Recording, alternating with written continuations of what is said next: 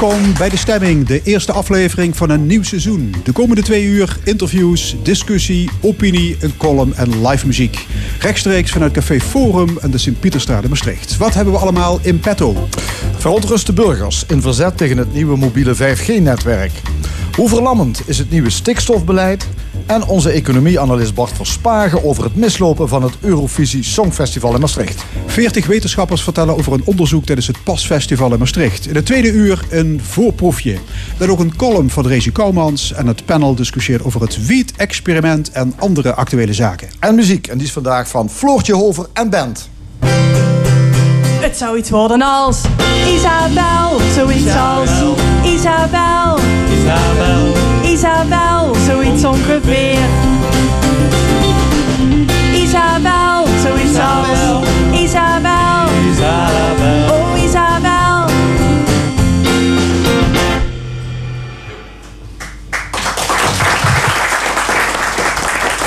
Mobiele communicatie is tegenwoordig net zo gewoon als stromend water. We maken er allemaal gebruik van. En die communicatie wordt nog beter en sneller met het nieuwe netwerk dat de komende jaren wordt uitgerold. Het zogenoemde 5G-netwerk. In Maastricht staat alvast een proefopstelling. Maar niet iedereen is daar blij mee. Een groep burgers is bezorgd over de komst van 5G vanwege gezondheidsschade. Aan tafel Emiel Muller en Arno Kerbusch van het team Maastricht Stralingsinfo. Goedemorgen. Ja, we hadden ook mensen gevraagd van Vodafone Ziggo, van de Technische Universiteit in Eindhoven en de GGD. Die willen allemaal niet reageren. Verbaast het jullie? Nee, niet meer.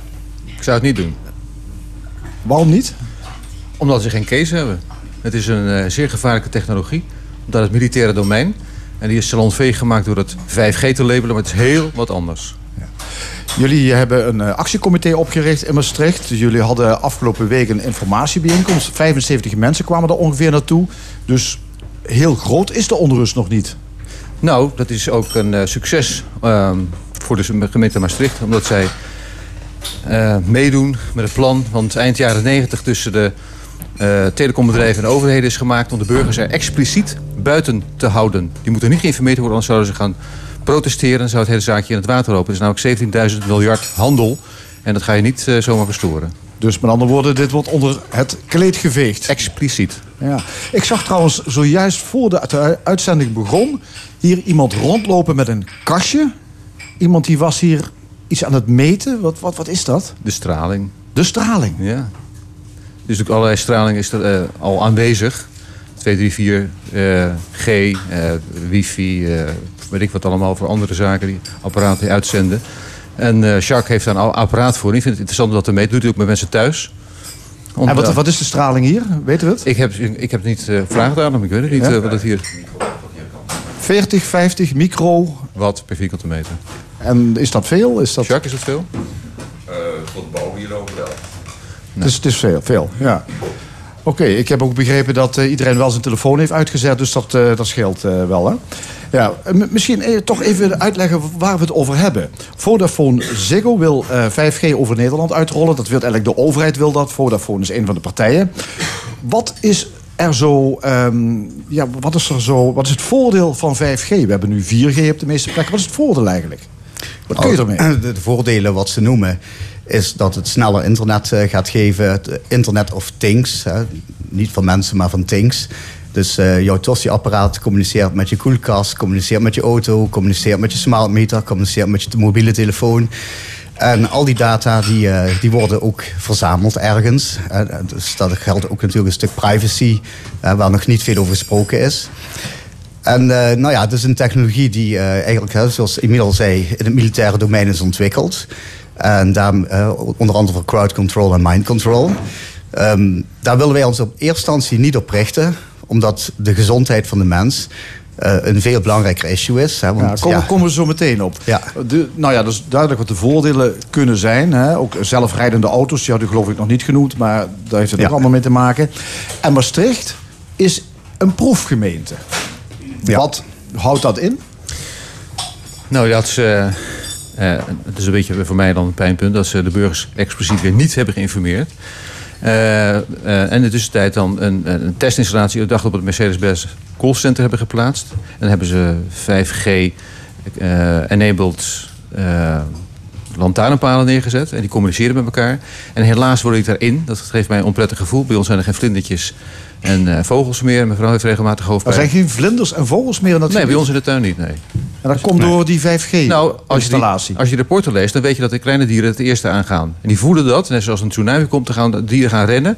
Die voelen dat het niet goed voor ze is. En als ze keuze hebben, dan gaan ze weg. Of ze worden, als ze blijven zitten om een of andere reden, dan worden ze geroosterd, zullen we zeggen. Maar eh, ja, dat is nu aan de hand. En, en, de kip, en de kippen kakelen niet meer, las ik in de Kijk, krant. Dat Precies, is geen goed. uitspraak van ons geweest. Ja. Dat was de Limburger. Ja. Ja. Maar jullie maken je zorgen over de straling van die 5G. Dat, dat is het, Absoluut. dat is het gevaarlijke. Ja. Want dat is anders dan de straling van 4G, 3G en wat we daarvoor hebben Ja, gehad. absoluut. Eh, 2, eh, 2G, 3G, 4G en wifi onder andere. Dat is elektromagnetische straling. 5G is een totaal... Het, het klinkt bijna hetzelfde, 4G, 5G. Waarschijnlijk heel bewust gekozen om niet te veel ontrusting eh, teweeg te brengen. Maar 5G is radiostraling. En radiostraling, eh, dat werkt pulserend. En dat werkt dus heel anders op, op eh, al het biologisch leven op aarde. Het beïnvloedt namelijk de calciumcellen.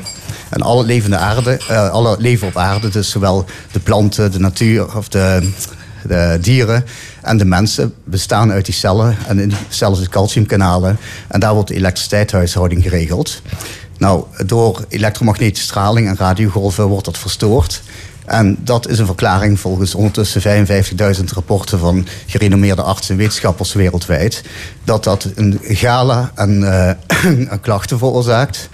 Eh, waaronder DNA-schade, vruchtbaarheidsschade, ehm, kanker, Alzheimer, autisme. Nou, het is een lijst. eh, iedereen die zich even erin wil verdiepen, die wordt er akelig van. Ja, dat is een tamelijk eh, zorgelijk scenario dat u schetst. Ja, nogal ja. Ja, nou is eh, de overheid geeft Mhm. eh, toestemming voor de uitrol van dat 5G-netwerk en ook voor de, voor, voor de proef die nu plaatsvindt. Staatssecretaris Mona Keizer van Economische Zaken en minister Bruins van Medische Zorg die zeggen er is geen reden van zorg tot zorg. Uit allerlei onderzoeken blijkt dat er geen aanwijzingen zijn voor gevaren voor de volksgezondheid. Ja, nou dat is heel interessant, want al die eh, onderzoeken zijn gebaseerd op de normering van het ICNIRP, dus International Commission of Non-Ioni- Non-Ionizing Radiation Protection. Ja, dat is een internationaal adviesorgaan. Ja, ja. En dat, ehm, dat adviesorgaan dat, eh, baseert al zijn eh, besluiten nu, zijn normen, op basis van een onderzoek uit 1953, nog voordat deze eh, 2G, 3G, 4G, eh, wifi en nu 5G bestond. Eh, op een zak zoutwater van 62 kilo, die gedurende 6 minuten wordt blootgesteld aan elektromagnetische straling. En er wordt slechts gekeken naar de thermische verandering. Dat dus is de, de, de warmte. opwarming. Oh, ja. Nou, Dus ze kijken niet naar straling, zegt u. eh, dat noemen zij dan het kijken naar straling. En op basis van dat is in 1998 is die norm opnieuw vastgesteld. En dat is de norm waar de hele wereld op dit moment zijn resultaten aan afhangt. En dus ook Den Haag, ook Mona Keizer, ook de telecombedrijven. Nou, ondertussen... eh, u zegt dus eigenlijk dat internationaal adviesorgaan, waarin wetenschappers Mhm. zitten, baseert zich op verouderde informatie. Absoluut, ja. ja. Ja. Ehm, nou heb ik eh, natuurlijk ook gezocht, eh, voordat we aan dit gesprek begonnen, wat er allemaal onderzocht is. Er is blijkbaar wel heel veel onderzocht. Maar conclusie is wel dat er niet hard gemaakt kan worden dat 5G-straling ongezond is. Nee, dat klopt niet. Nee. Nee, dat Nou, kan weet- wel. Ja. Ja, weet je, het, het interessante is, ik ben, ben bij de voorzitter van ICNIRP geweest in Den Haag. Dat is dat internationale ad- adviesorgaan. Precies. Ja.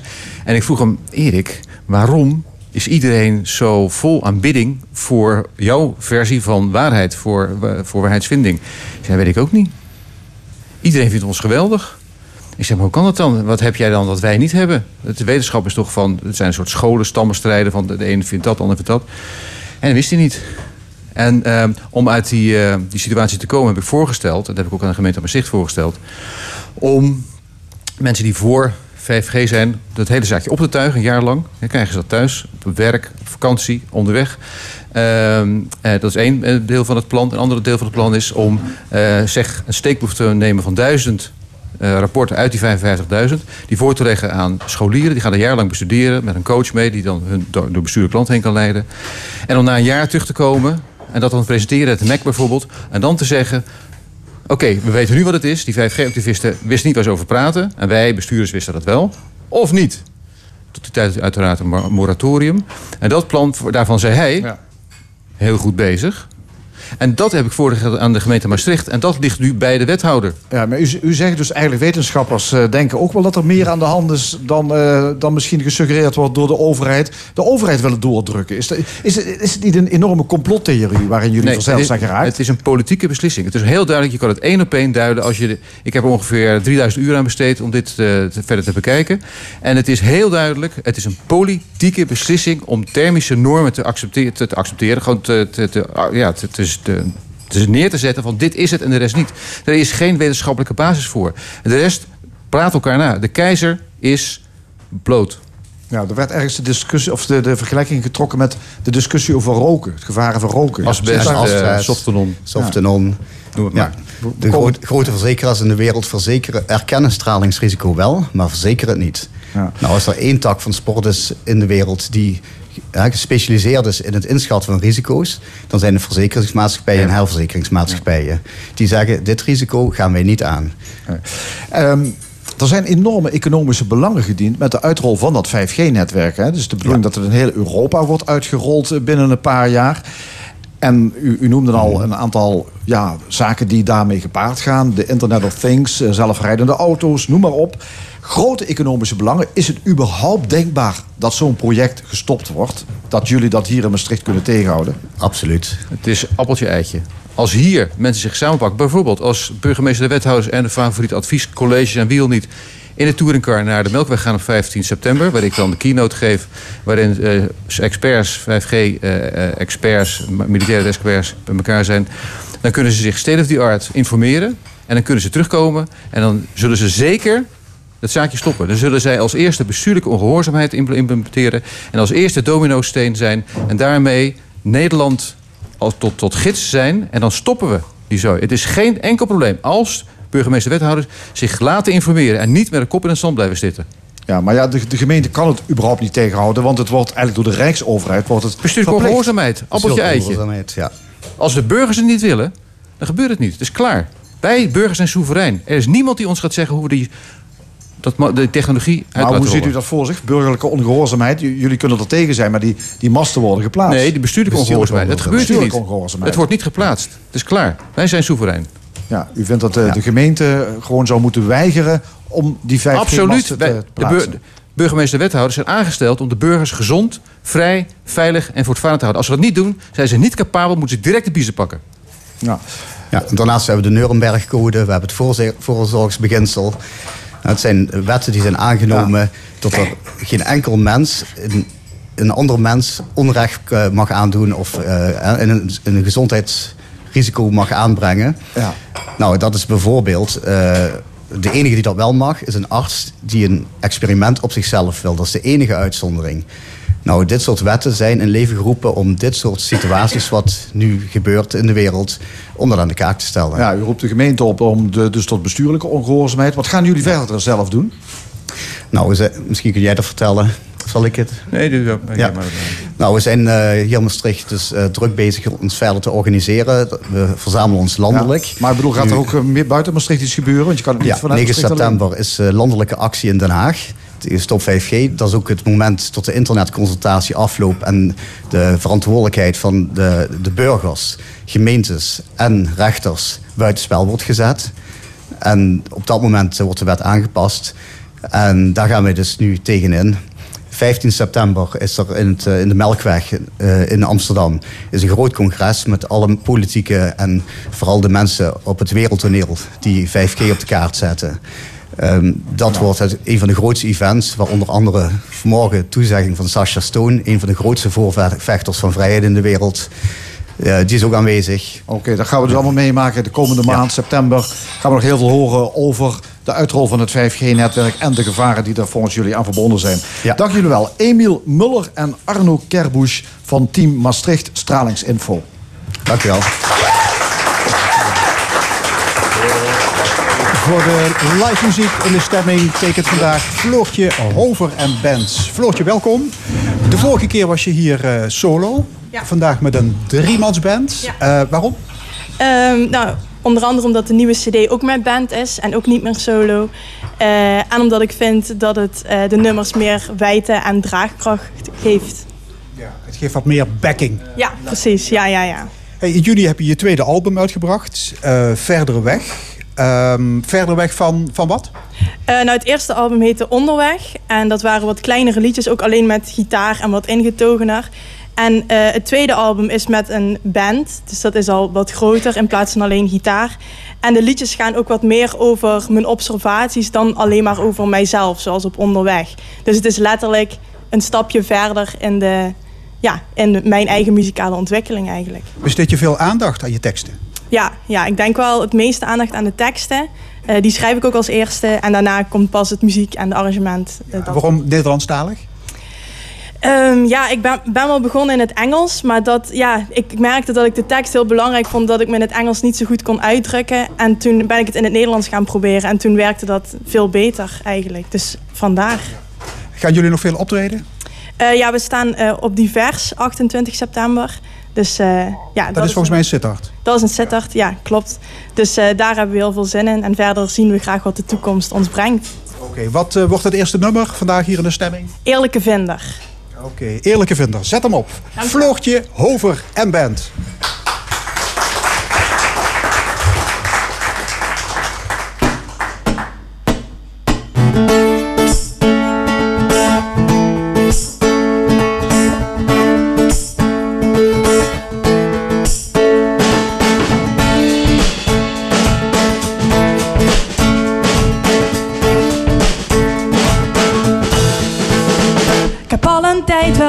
Klein beetje niet geweten, wel vergeten hoe het is, hoe het is om mezelf te zijn. Ik heb me al vaak genoeg bezeerd, daardoor het fluiten ook verleerd. En hoe het is, hoe het is om gelukkig te zijn. Ik verf de muren van mijn kamer, maar de ramen staren terug. Als lege ogen waar het licht is uitgedaan.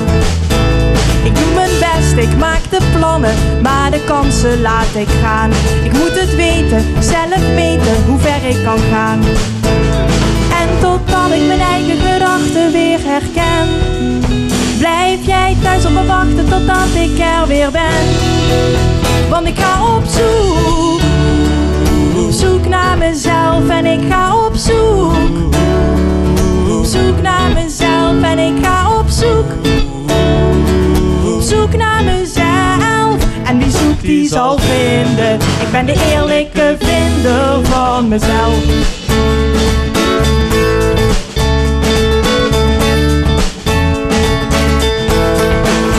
Ik wil alle landen van de wereld en alle kleuren op mijn muur. Dan kan ik zeggen, kan ik zeggen, daar ben ik geweest.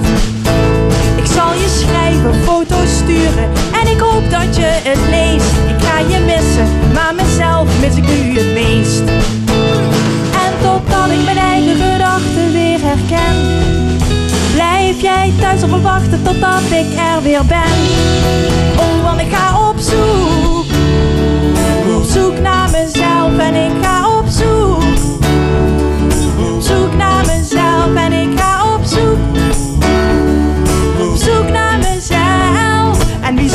Ik ben de eerlijke vinder. Ik ga op zoek.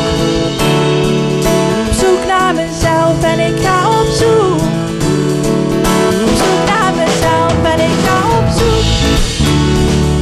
Op zoek naar mezelf. En wie zoekt, die zal vinden. Ik ben de eerlijke vinder van mezelf.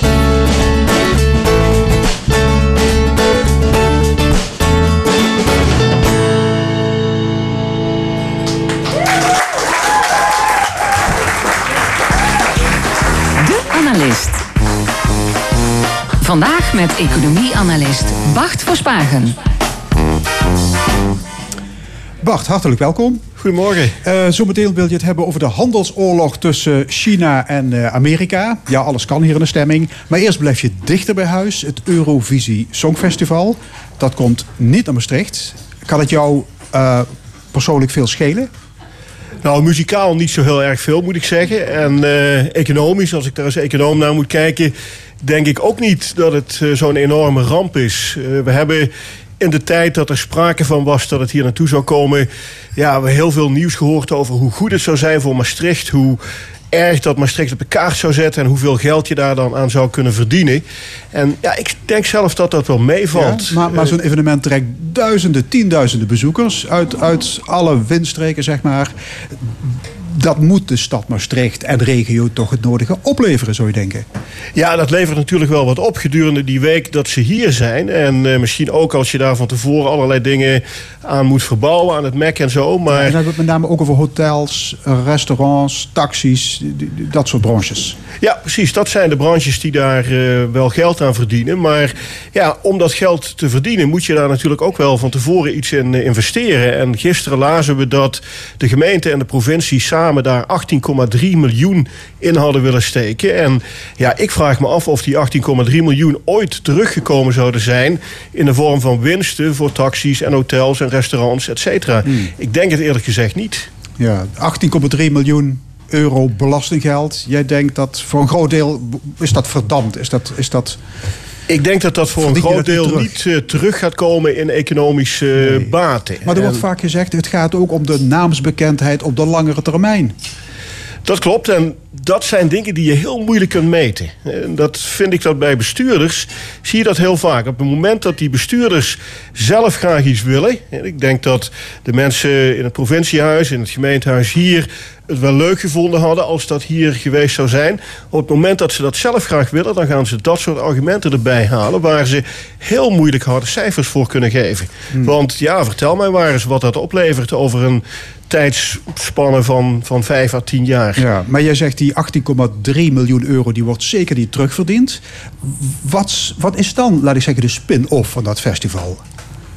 Wat, wat zou het dan wel opleveren? Nou, enig, het- enig idee? wat het zou Kun je er een bedrag op plakken? Wat het, nee, je kunt daar echt onmogelijk een bedrag Nee, op maar, maar plakken. 10 miljoen? 15?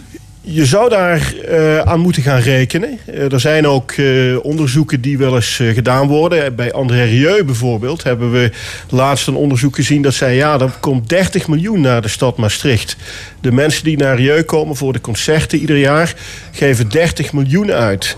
Ja, dat lijkt een heel groot bedrag, maar dat is wat ze uitgeven. Dat is niet wat er uiteindelijk aan echte winst overblijft voor de regio. En, Dus ja, die- al die bezoekers, die duizenden bezoekers van al die concerten... die laten 30 miljoen achter in de stad. Maar je zegt, daar moet je een x-bedrag weer van aftrekken. Ja, daar- Aan kosten.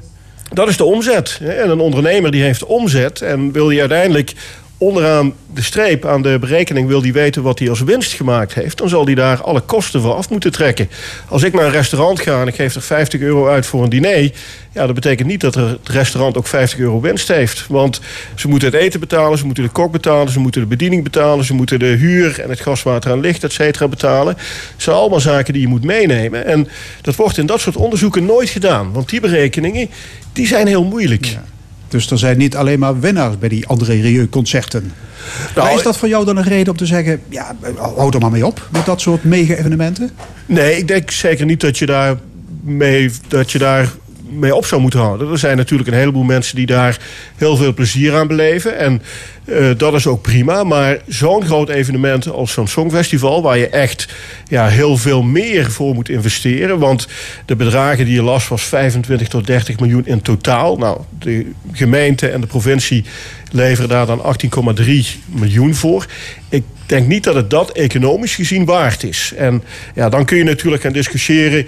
muzikaal gezien, cultureel gezien... eh, vind je dat wel waard? Ja, dat hangt af van je smaak. Sommige mensen zullen zeggen, ik vind dat geweldig. Eh, anderen zullen liever andere muziek eh, horen... of iets anders cultureels in de stad zien. Ja, maar om het bij de economie te houden, jij zegt mega-evenementen in de stad zijn niet per definitie lucratief. Ja, Daar moet precies. Je, ja, oké. Eh, Maar nu zit Rotterdam dadelijk met de gebakken peren. Hebben die dan ook niet goed opgelet of niet goed gerekend? Of nemen ze dat te kort voor lief eventueel? Of... Ik, ik denk dat Rotterdam net zozeer als Maastricht dat tekort voor lief zal nemen. Eh, ik denk ook niet dat het in Rotterdam uiteindelijk economisch gezien eh, rendabel zal zijn. Maar ja, de situatie kan daar ook heel anders zijn. Ze hebben daar een zaal die misschien veel geschikter is. Ik weet dat niet. Hè. Ze doen het in Ahoy, geloof ik. Eh, hier in het MEC zou een heleboel verbouwd moeten worden. Dus die berekening die zal in eh, Rotterdam weer anders liggen dan in Maastricht. Ja, maar je kijkt het puur door een, eigenlijk door een economische bril. Er zijn ook mensen die denken, ach, die, die zurige economen kijken alleen maar met, naar een rekenmachientje. Toch een prachtig festival. Dat, eh, die mensen zullen er zeker zijn. En eh, dat is ook prima. Eh, ik zeg ook niet dat je het niet zou mogen doen. Ik zeg alleen dat als je een verhaal vertelt dat het economisch gezien allemaal zo goed is voor de stad, dan ben je eigenlijk bezig om ja, de zaak toch niet helemaal zo voor te stellen als die echt ligt. Want het gaat om belastinggeld. Het gaat om belastinggeld, precies. Ja, even over van Limburg naar de wereld, Bart. Er woedt momenteel een handelsoorlog tussen Amerika en China. Die ook ja, grote gevolgen kan hebben voor ons. Komen we zo meteen op. Eh, wat is de oorzaak van die handelsoorlog? Ja, die oorzaak is eigenlijk dat je al een hele tijd lang, decennia lang, zie je dat eh, in de VS en Amerika er een enorm handelstekort is. Dus in Amerika importeren ze veel meer dan ze exporteren. En ja, president Trump die ziet dat als een teken van economische zwakte. Hij is een zakenman en hij wil dat op een stoere, macho manier oplossen. En dat gaat hij dus doen door eh, de bron waar de meeste van die importen in de VS vandaan komen, China, om die aan te pakken. En die importen gaat hij dus belasten, eh, moeilijker maken. En daardoor hoopt hij die situatie om te draaien. Ja, dus Trump heeft wel een punt als hij zegt eh, dat de Verenigde Staten in die verhouding de onderliggende partij zijn tussen Amerika en China. Ja, dat zijn ze zeker. Want China heeft eh, precies het omgekeerde. Die hebben een enorm handelsoverschot. Die exporteren veel meer dan ze importeren. Eh, en die, ja, die nemen dus een heleboel van die schulden die de, de VS opbouwt door dat handelstekort, nemen ze over. Maar het is ook zo dat China economisch gezien sterk in opkomst is de laatste 10, 15 jaar. Ze zijn economisch en technologisch echt een leidende natie aan het worden in de wereldeconomie. En op sommige gebieden, bijvoorbeeld telecom, daar eh, zijn de Chinese bedrijven echt al zeker zo sterk, misschien wel sterker dan de Amerikaanse bedrijven die heel lang eh, de wereld gedomineerd hebben. Ja, kunnen ze dit lang volhouden bij de Amerika en China, zo'n zo'n handelsoorlog? Ik denk dat het nog wel even door kan gaan. eh, want ja, het is een enorm handel. En wat ze doen is steeds kleine stukjes. Of ja, niet zo klein, maar in ieder geval stukjes eruit halen die ze dan gaan belasten. En eh, dat wordt iedere keer meer. Op het moment dat Trump eh, belastingen gaat heffen op Chinese importen, dan doet China precies het omgekeerde. Eh, dus dat kan op zich nog wel even doorgaan. Maar er zal ook een heleboel afhangen van wie er volgend jaar na de verkiezingen in Amerika in het Witte Huis komt te zitten. Ja, want je zou bijna vergeten dat we een paar jaar geleden ons druk maakten over allerlei internationale handelsverdragen. hè. TTIP en dergelijke. En nou ja, de wereld is totaal veranderd wat dat betreft. Ja. Ehm, welke effecten kan die handelsoorlog hebben ja, wereldwijd? Wat, wat... Ik denk dat dat behoorlijk serieus kan zijn. Nu zie je dat het nog beperkt is tot eh, de directe betrokkenen. En dat zijn dan bijvoorbeeld de sojaboeren in de VS... die al die belastingen, die tarieven op hun dak hebben gekregen uit China. De Chinese economie doet het ook minder door eh, die acties van Trump. Eh, je ziet op de korte termijn ook dat de beurs in paniek raakt. De koersen die dalen daar, die gaan op en neer. Eh, en de beleggers die eh, verliezen dus eh, geld. Maar op de wat langere termijn kan dat ook gaan uitstralen naar andere sectoren, naar andere landen. Consumenten worden zenuwachtig, gaan minder geld uitgeven. En dat kan dus makkelijk tot een wereldwijde recessie gaan leiden. Welke bedrijfstakken hier in onze provincie in Limburg zijn extreem gevoelig voor dit soort handelsconflicten? Nou, ik denk eh, Netcar, eh, dus de auto-industrie, de, de maakindustrie zoals we dat nu noemen, eh, is daar heel gevoelig voor. De auto-industrie is eigenlijk traditioneel een van de industrieën waar dit soort handelsoorlog zich direct op richt. Voor Trump is het ook moeilijk te verteren dat de Amerikaanse auto-industrie, die ja, toch 20, 25 jaar geleden dominant was, dat niet langer is. En eh, dat is dus ook een van de sectoren die hij eh, gaat targeten in die, eh, in die handelsoorlog. En een bedrijf als Netcar, dat merkt dat ook direct. En ik denk dat die ontslagen die afgelopen week ook weer aangekondigd werden... dat die ook daar wel mee samenhangen met die onzekere situatie van de wereldeconomie. Ja, dus vooral de maakindustrie die er mee te maken heeft. Voor de Nederlandse economie in eerste instantie wel. Maar ja, daar zitten natuurlijk ook weer een heleboel financiële diensten achter. Om die handel mogelijk te maken. En op het moment dat die wereldhandel van die maakindustrie gaat instorten, gaat dat ook zich eh, gaat dat uitstralen op die, eh, op die diensten. Dus de financiers, de banken, de verzekeringsmaatschappijen die we in Nederland vinden, die zullen daar ook zeker eh, heel veel hinder van ondervinden. Ja, en zo zie je dat zo'n conflict tussen Amerika en China uiteindelijk dus hier gevolgen kan hebben. Waar ik ook nog aan zat te denken is onze huizenmarkt. Hè? On- Onze huizenprijzen die zijn natuurlijk extreem hoog. Kan zo'n wereldwijde recessie daar gevolgen voor hebben? Ja, zeker. Eh, ik denk dat eh, wat we geleerd hebben van de vorige recessie, dus pakweg tien jaar geleden, dat, dat was duidelijk een financiële crisis. Hè. Er werd geïnvesteerd eh, in heel risicovolle beleggingen. Dat ging op een gegeven moment mis. En daardoor zag je ook dat ja, die toren van onderuit ging instorten. En dat kan nu ook weer gebeuren. Dus nu reizen die huizenprijzen de markt uit. Iedereen is vol vertrouwen. Men denkt, ja, dat gaat goed. Eh, wij willen ook een, eh, een appartement of een huis in Maastricht hebben. Ook al is het een beetje duur, maar op het moment dat die bestemming gaat omslaan, ja, dan gaat het precies de andere kant op. En dan duikelt dat weer in elkaar. En dan zijn we weer eh, eigenlijk terug bij zo'n zeepbel die, eh, die uiteenspat en die voor economische problemen gaat zorgen. Ja, je hebt geen leuk nieuws vandaag. Hè? Nee, is, is die escalatie van de handelsoorlog is die nog eh, te stoppen?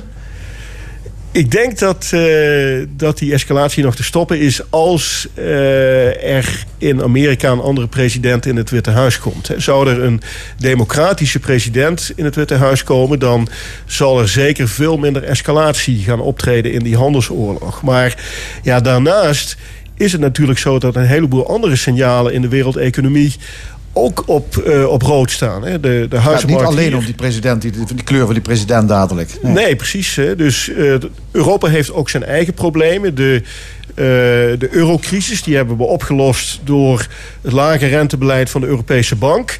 Nou, dat zit nu ondertussen ook wel zo'n beetje aan het einde. Daar kunnen we niet nog verder mee gaan. Dus wat daarmee gaat gebeuren, dat is ook in hoge mate onzeker. En ja, ik ben toch een beetje bang dat, het, eh, dat mijn boodschap vandaag in ieder geval eh, toch vol eh, ja, doom en gloom zit. Hel Ja. en verdoemenis. Ja, gelukkig hebben we nog leuke muziek vandaag. Prima. Dankjewel, Bart van Spagen. U luistert naar L1, meer speciaal naar de stemming. Iedere zondag van 11 tot 1 vanuit Café Forum in Maastricht.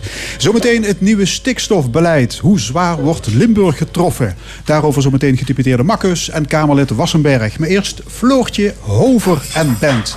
Dit nummer heet Haaien op het land.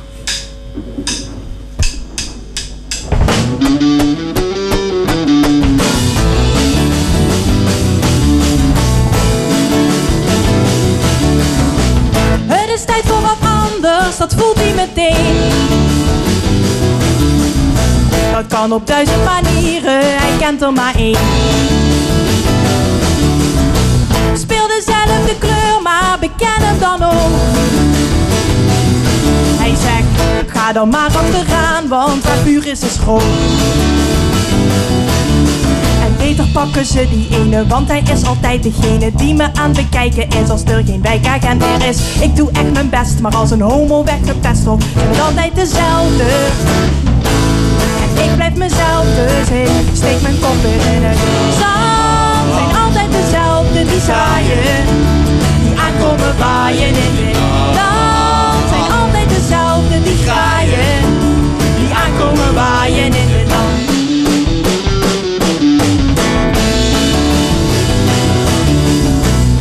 De kleur van de liefde een bonnetje in. Een A4'tje met plannen, dus hij snapt elke zin. Heel tevreden gerust zit hij thuis op de bank.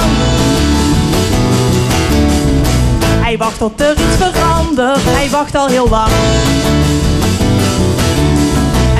Kiezen ze die ene, want hij is altijd degene die er iets van durft te zeggen als ze weer eens overleggen. Ik doe echt mijn best, maar als een homo weggepest wordt, zijn het altijd dezelfde.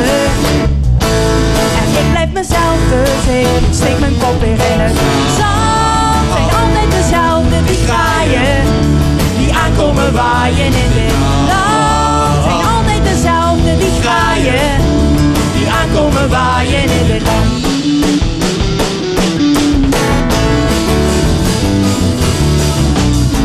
is koud en donker aan de kant van de weg. Gelukkig remt iemand af en vraagt: Autopech? In een mum van tijd weer klaar om te gaan. Hij hoort een sportje accent, vraagt: Waar kom je vandaan? Ik woon hier al drie jaar en ik bouw druk aan mijn bestaan. Maar ik weet niet of ik hier blijven mag, omdat ik bang ben voor de dag dat er een premier komt. Die zegt tegen zijn mensen, het zijn altijd dezelfde. Willen we meer of minder? Willen we meer of minder? Het zijn altijd dezelfde. En ik blijf mezelf, dus ik steek mijn kop in dingen. Zand zijn altijd dezelfde, die zaaien. Die onrust als haaien op het land. Dezelfde, die zaaien. Die onrust als haaien op het land. Zijn altijd dezelfde, die zaaien. Die onrust als haaien op het land. Zijn altijd dezelfde, die zaaien. Die onrust als haaien op het land.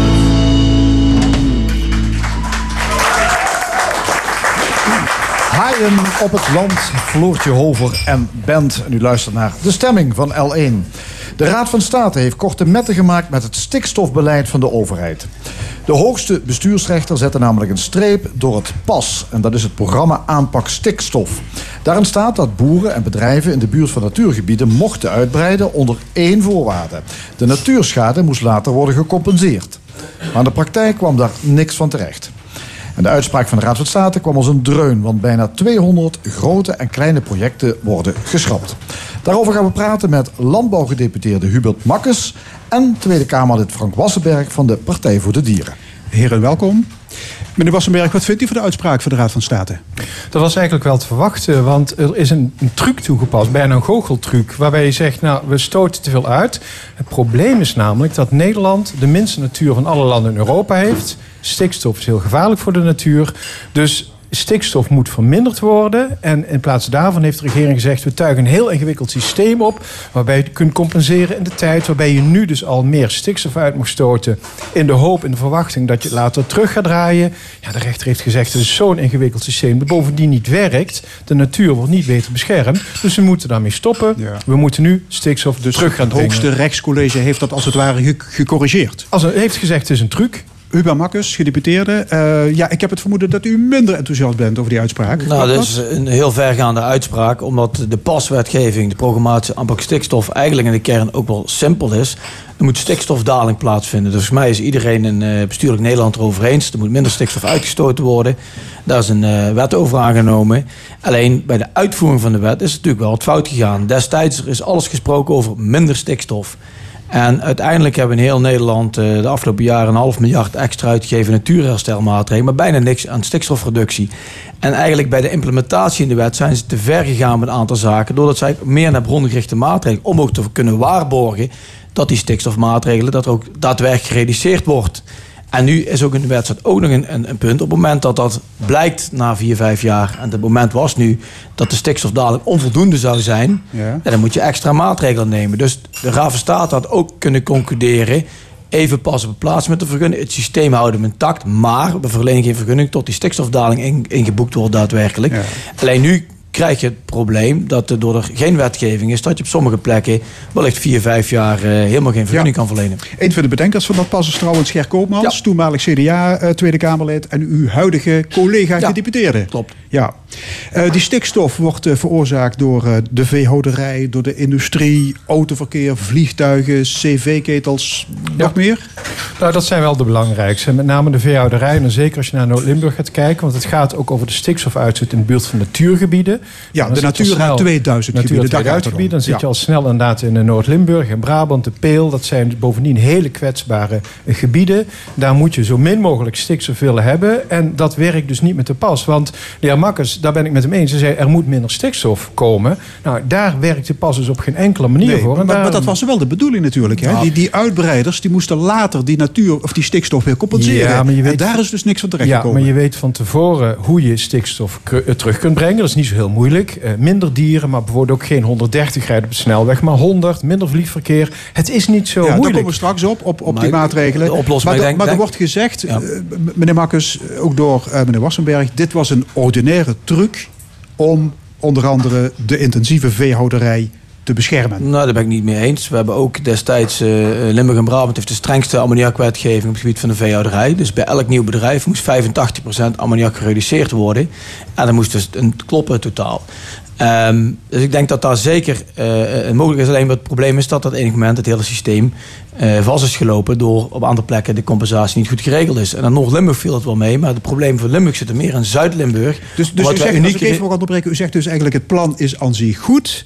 Hè, in de tijd ook ondersteund door linkse ja. partijen, precies. Ja. Maar uh, men heeft zich er niet aan gehouden. Nou, er zit, er zit een verschil in. Het is macro. Hè. Als je kijkt dat de reductie van, van, van ammoniak op plekken juist in Noord-Limburg goed is gegaan.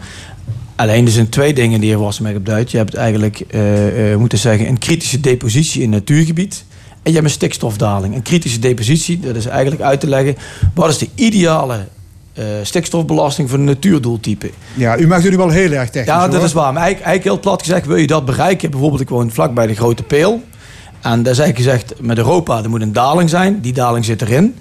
Maar, is dat voldoende? Ja, ik moet het nog harder dalen. Als je het ideaal situatie voor natuurdoeltype... en daar moeten we ook eerlijk in zijn. Ja, maar, maar het feit is toch dat er jarenlang te veel stikstof is uitgestoten. Maar dat wil ik net Waardoor zeggen. schade is Ja, toegebracht aan de natuur. En Ja. dat erkent nu de Raad van Ja, State. En want- zegt, daar moeten we iets aan doen. Want wat de heer Marcus nu zegt, als ik heel even op mag reageren. Hij zegt, nou, die wet is goed. Maar daarmee zeg je in feite, want in de praktijk werkt niet zo. In feite zeg je dan, nou, op papier ziet het er goed uit. Alleen helaas luistert de praktijk niet zo van. Nee, ik en er is een, de mo- wet- er een mooi wet- woord voor. Ja. Je creëert een papieren werkelijkheid. De wet werkt, maar mensen moeten wel stikstof gereduceerd worden. Alleen je moet wel eerlijk zijn in een land, dichtbevolkt als Nederland. En met veel eh, van allerlei soorten verkeer, industrie, noem maar op. Als je dat een ideaal natuurdoeltype, dat zal heel lastig worden. Om een voorbeeld te geven met de grote peel. Als je het ideale omstandigheden van natuur wil creëren, dan nog, dan moet je al stop je met alle industrie en alle veehouderij in heel Limburg. Alleen al uit Duitsland is de belasting te hoog. Ja, dan moet de gouverneur, eh, de minister-president van Noord-Westfalen bellen. Wil je met alles stoppen? Ja. En da dat gegeven, dus daarom is het belangrijk voor de oplossing om te kijken... één, eh, wat is een goede daling? En twee, rekenschap houden dat de ideale omstandigheden voor iedereen altijd suboptimaal Ja, zullen en zijn. zo, de eenvoudig, Dieren. ja, zo eenvoudig is het niet. Want inderdaad, stikstof kan verdragen. Maar de meeste stikstof wordt in de buurt eh, gedumpt, zou ik bijna zeggen. Dus eh veehouderijen stoten heel veel stikstof uit. En de meeste daarvan slaat neer in de buurt. Nou wil het toeval, nou toeval of niet... maar die veehouderijen zitten in de buurt van natuurgebieden. En daarmee gaat, ligt daar echt het probleem. Er komt ook stikstof uit het roergebied... maar de meeste komt echt uit de buurt. En dat zijn die veehouderijen. En daar ligt het probleem. En als we dat probleem niet aanpakken... dan lossen we echt helemaal niets op. Ja, 180 projecten die, die worden nu geblokkeerd. Die, ja, die kunnen de prullenbak in. Die, kunnen, die hoeven niet de prullenbak in. Want op het moment dat je echt die stikstofuitstoot aanpakt... wat ik zei, je pakt die veehouderij aan... je krimpt die, vee, die veestapel flink in. Je gaat niet akkoord met de uitbreiding van vliegvelden. Ook in, in de Maastricht-Aken Airport eh, zal er meer gevlogen worden. Als je dat stopt en je zegt... we draaien terug van 130 rijden naar 100 rijden... maar vooral die vee-industrie inkrimpen... dan creëer je ruimte. Limburg hoeft niet op slot. Limburg is op slot gezet door de regering en door de provincie... door al die ruimte te geven aan die veehouderijen. en als je daar klopt, een einde ja. aan maakt... dan leg je Limburg geloof er open voor andere De veehouderij ontwikkelingen. zit niet langs het vliegveld, dus die redenering kan wel maken. Ik denk dat het eerst belangrijk is om een goede basis te creëren. Want we hebben eigenlijk, waar we het even eens zijn, ook de heer Wassenburg, de stikstofdaling is niet goed gedaan. Ik Maar denk heeft u een lijst van projecten in Limburg die niet doorgaan? Ja, dat is een hele lijst en die zit binnenkort wordt die bekendgemaakt door het ministerie. Ehm, en ik denk dat er terugkomen twee dingen belangrijk zijn van de oplossing. Eén, je moet een goed meetnetwerk hebben, want dat voldoet ook niet. Om een Ja, voorbeeld ik te geven. het eerst even hebben Ja. over de gevolgen. Eh, in Roermond gaat een streep door nieuwbouw in het Melikerveld. Ja. Daar komen geen 470 woningen. Maar bij natuurorganisaties gaat de vlag uit. Moet je Ja. zeggen, dat is een gebied eh, tussen het Roerdal en de Mijnweg van hoge landschappelijke waarde. Dat kan, maar ik denk dat heel veel bepaalde natuurorganisaties voor elk project, ook bij eh, een uitbreiding bij de, bij de A2 die afgeschoten is, maar verkeerstechnisch is het natuurlijk een drama. En ik denk bij de oplossing moeten ze hebben van, heb je een goede basis? En dat is eigenlijk een punt waarbij we rekening houden. Er zijn twee dingen die ik wil noemen daarbij. We hebben een heel slecht meetwerk, netwerk in Nederland. Om bijvoorbeeld te noemen, het enige meetpunt voor ammoniak in Limburg is bij de Vredepeel tegenover eh, een kippenbedrijf.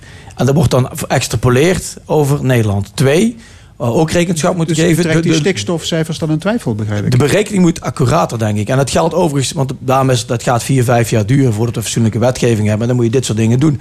Een tweede is, waar rekenschap met uit, de lucht is steeds schoner geworden. Dus zwaveldioxide en stikstofdioxide zit minder in de lucht. Maar in het verleden maakte hij een verbinding met ammoniak. En nu komt hij eigenlijk eh, schadelijke stoffen zitten minder in de lucht, maar dan slaat de ammoniak harder neer in natuurgebieden. Dus Ja. dan krijg je dus andere cijfers en dingen. Maar En- zullen we ons beperken tot de stikstof? Anders ja, maar dat is wordt het echt stikstof. heel Maar dat erg heeft, mee te maken met schone lucht. Ik ben het overigens niet eens met de heer Makkers. Want hij zei er zijn onvoldoende meetsystemen. Er zijn heel veel meetsystemen. Alleen dat noemen we natuur. En als je kijkt naar de kwaliteit van natuur. Ik ben nog eens even gaan kijken. Ik, bedoel, ik ben ook woordvoerder natuur in de Tweede Kamer. Het gaat zo verschrikkelijk slecht. Ik heb hier twee artikelen. Op de Veluwe liggen de jonge koolmezen uit het nest met gebroken pootjes. De oorzaak zou kalkgebrek door verzuring zijn. Andere, nummer, andere citaat. Verzuring maakt de hei, eh, maakt de hei steeds Ja, maar- stiller. Er, is heel veel, er zijn heel veel gevolgen door die stikstof, door de verzuring. Ja, maar Eh, daarom- vogels daarom- krijgen het pootjes omdat ze te weinig kalk eens. hebben. Ze kunnen hun botten niet opbouwen. Dat zijn meetpunten. Je kijkt naar de natuur en je ziet dat die kwaliteit echt zo achteruit gaat door die verzuring, Ja, maar, daarom door die is, maar stikstof. voor mij, dat is niet het punt. Het punt is dat stikstof moet dalen en daar zijn we het over eens. En dan gaat het erom om een houdbaar systeem te hebben... waarbij je moet kijken dat je ook zorgt dat stikstof daadwerkelijk daalt. Dat is ook wat de originele eh, pas de bedoeling geweest... en dat zal ook in de toekomst de, de, eh, bedoeling zijn. Maar wat betekent het nu voor Limburg? Want een aantal dingen zitten nu op slot. Dat was eigenlijk uw vraag. Ja. En je moet eigenlijk een, een Maar duurzaam... is het zo dramatisch dat het hele land eh, stilvalt Ehm, en op nou, slot ligt? Eh, Laat ik zo zeggen, Limburg heeft één voordeel ten opzichte van bijvoorbeeld de Randstad. met Autoweef andere plekken.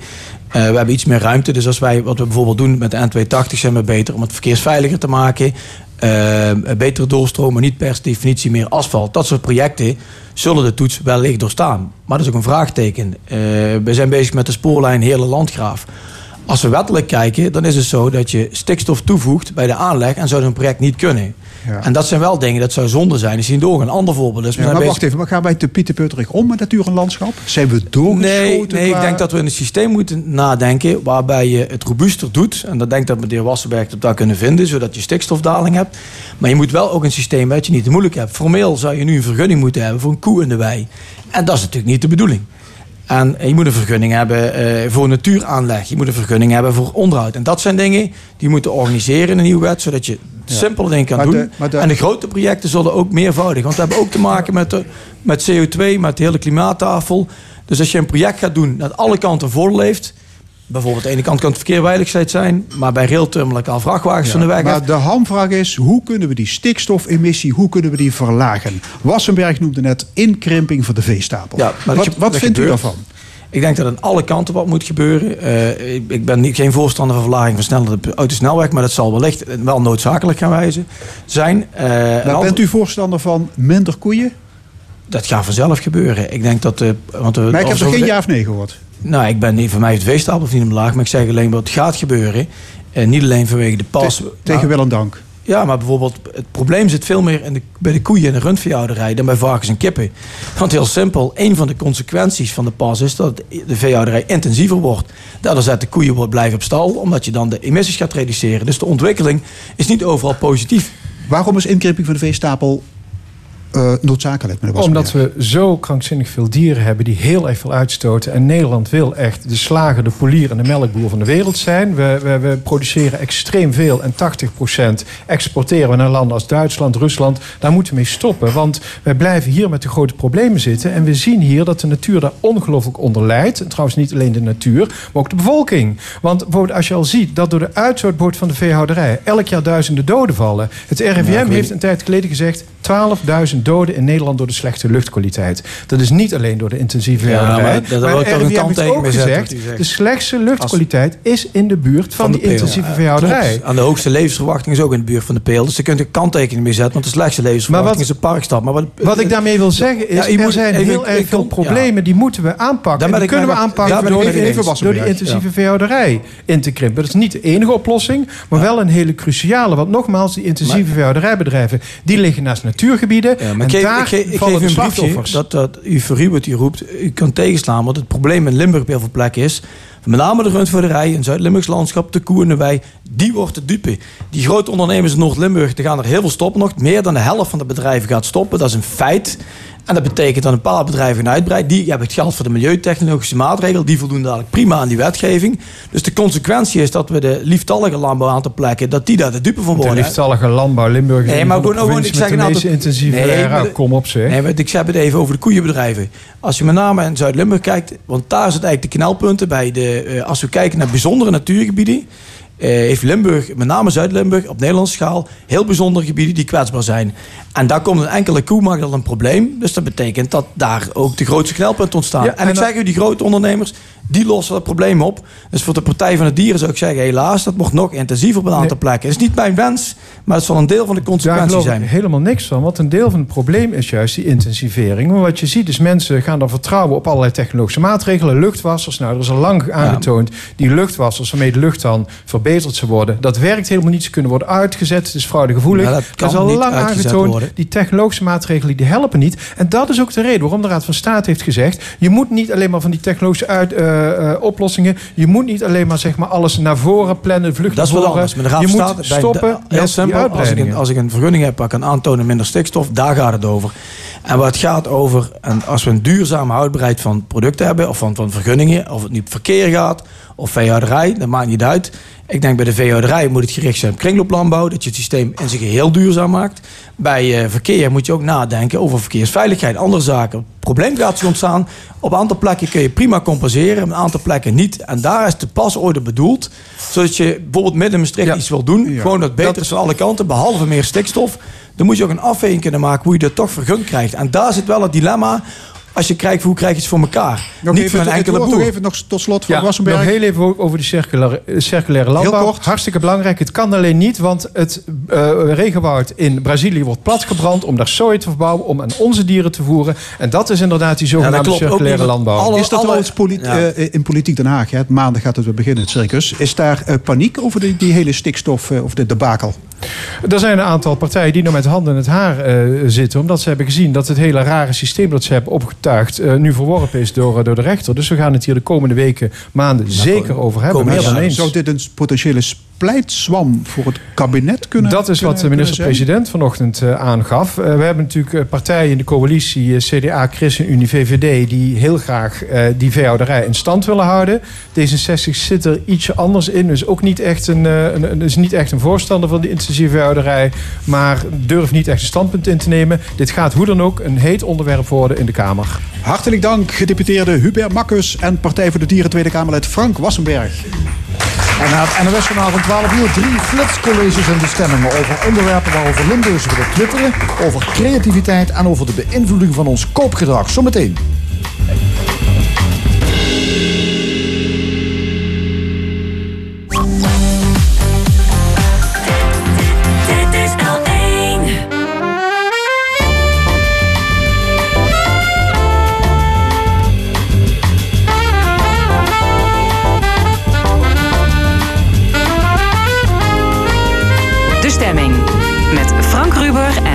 Geraerts.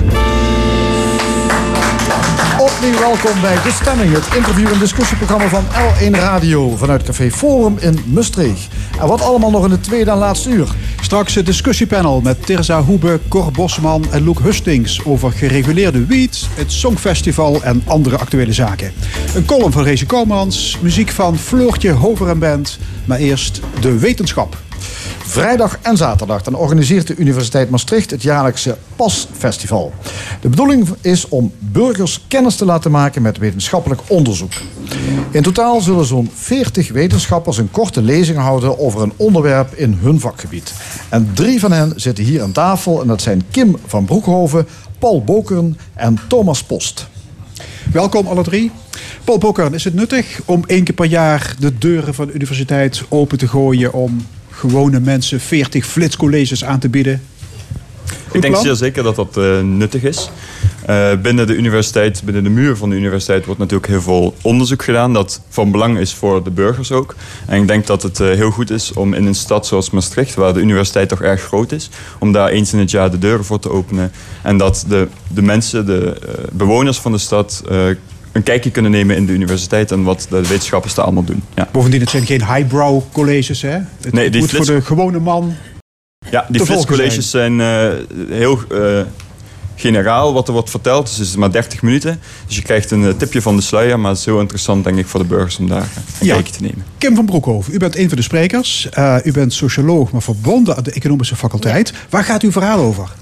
Bij Village College zal vooral gaan dus over creativiteit. En hoe kan jij creatiever worden? En dan enerzijds zal ik wat tips en tricks meegeven die uit onderzoek voortkomen. En anderzijds wil ik wat dieper ingaan op denktechnieken om het publiek wat te laten ervaren van... oké, hoe kun je dan ook meer creatief worden en wat kun jij dan doen? Ja, kunt u uitleggen wat creativiteit eigenlijk is? Ja, iedereen heeft wel een idee bij wat creativiteit is... of wanneer iets of iemand creatief is. Eh, in onderzoek definiëren we het vaak als de vaardigheid om iets nieuws en iets zinvols te bedenken. En dat kan dan bijvoorbeeld gaan over een kunstwerk. eh, maar dat kan ook gaan over nieuwe producten die op de markt worden gebracht. Zoals destijds iPhone of Google Glasses. Het kan ook gaan over technologische ontwikkelingen. Wat we toen straks hebben besproken met bijvoorbeeld eh, zelfrijdende auto's of kunstmatige intelligentie. Ja, maar het moet vooral bruikbaar en, en nuttig zijn. Dat, dat is een harde voorwaarde. Ja, en die bruikbaarheid komt vanuit de wetenschap echt naar voren. Want we kunnen, er bestaan bijvoorbeeld algoritmes die ideeën kunnen creëren. Eh, maar als iets heel nieuws is, is het niet per se creatief of per se bruikbaar. Want het kan ook gewoon heel random en totaal geen toepassing hebben. En dan is het heel leuk en aardig, maar we kunnen er niks mee. Ja, iedereen zou wel creatiever voor de dag willen komen. Is dat te leren? Creativiteit is zeker te leren. Het, het kost heel veel inzet ehm, en ook concentratie. Dus het is ook verband en intelligentie, maar het is niet hetzelfde. Ehm, maar het is dus deels aangeboren en het kan ook deels worden aangeleerd. Ehm, Maar toch vooral aangeboren, denk ik. Ik ken mensen die zijn voor geen meter creativiteit. Creatief. Ja, alleen ehm, we hebben vanuit de universiteit met verschillende andere faculteiten een training ontwikkeld om het creatief probleemoplossend vermogen van studenten te trainen. Ehm, want we zien natuurlijk ook veel in onderwijs en ook uit onderzoek komt voor dat je hebt eigenlijk op de basisschool kinderen van nature inderdaad zijn creatief. En er is onderzoek dat aantoont dat eigenlijk naar groep 8 daalt dit. En het kan komen door de thuisomgeving, kan ook komen door school. Want als je bijvoorbeeld kijkt dan weer naar de middelbare school, we hebben vaak een, een, een test of ehm, een, een examen met bijvoorbeeld maar één antwoord is goed of multiple choice. Dus de kinderen of studenten worden ook niet echt getriggerd om te denken: oké, kom eens met meerdere oplossingen bijvoorbeeld. Onderwijs haalt de creativiteit juist onderuit misschien wel. Het onderwijs doet het wel een beetje, zeker. En ik denk dat we daar al, want ik ben zelf betrokken in verschillende veldexperimenten, ook op basisonderwijs. En ik heb heel veel scholen gezien die al heel veel andere onderwijsmethoden hebben. En bijvoorbeeld Maastricht Universiteit maakt gebruik van probleemgestuurd onderwijs, waar eigenlijk al een deel creativiteit in zit, want er zit een deel brainstorming in. Maar wij van ons team denken dat we daar nog wel een stapje verder in kunnen gaan. Maar u zegt er zijn denktechnieken om, om dat creatieve proces te stimuleren. Ja. Is dat in kort bestek uit te leggen hoe dat, hoe dat gaat?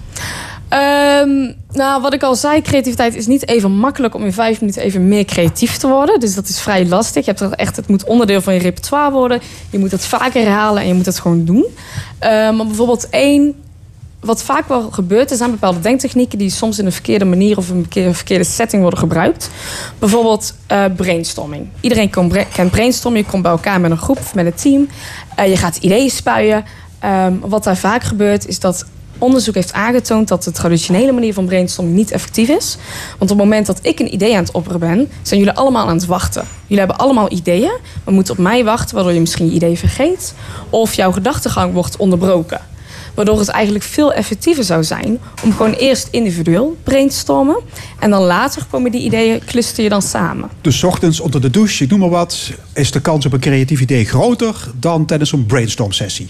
Dat zou ik dus niet zo willen zeggen. Want een brainstorm sessie geeft wel die setting van... oké jongens, we gaan nu echt aan de slag om het idee te komen.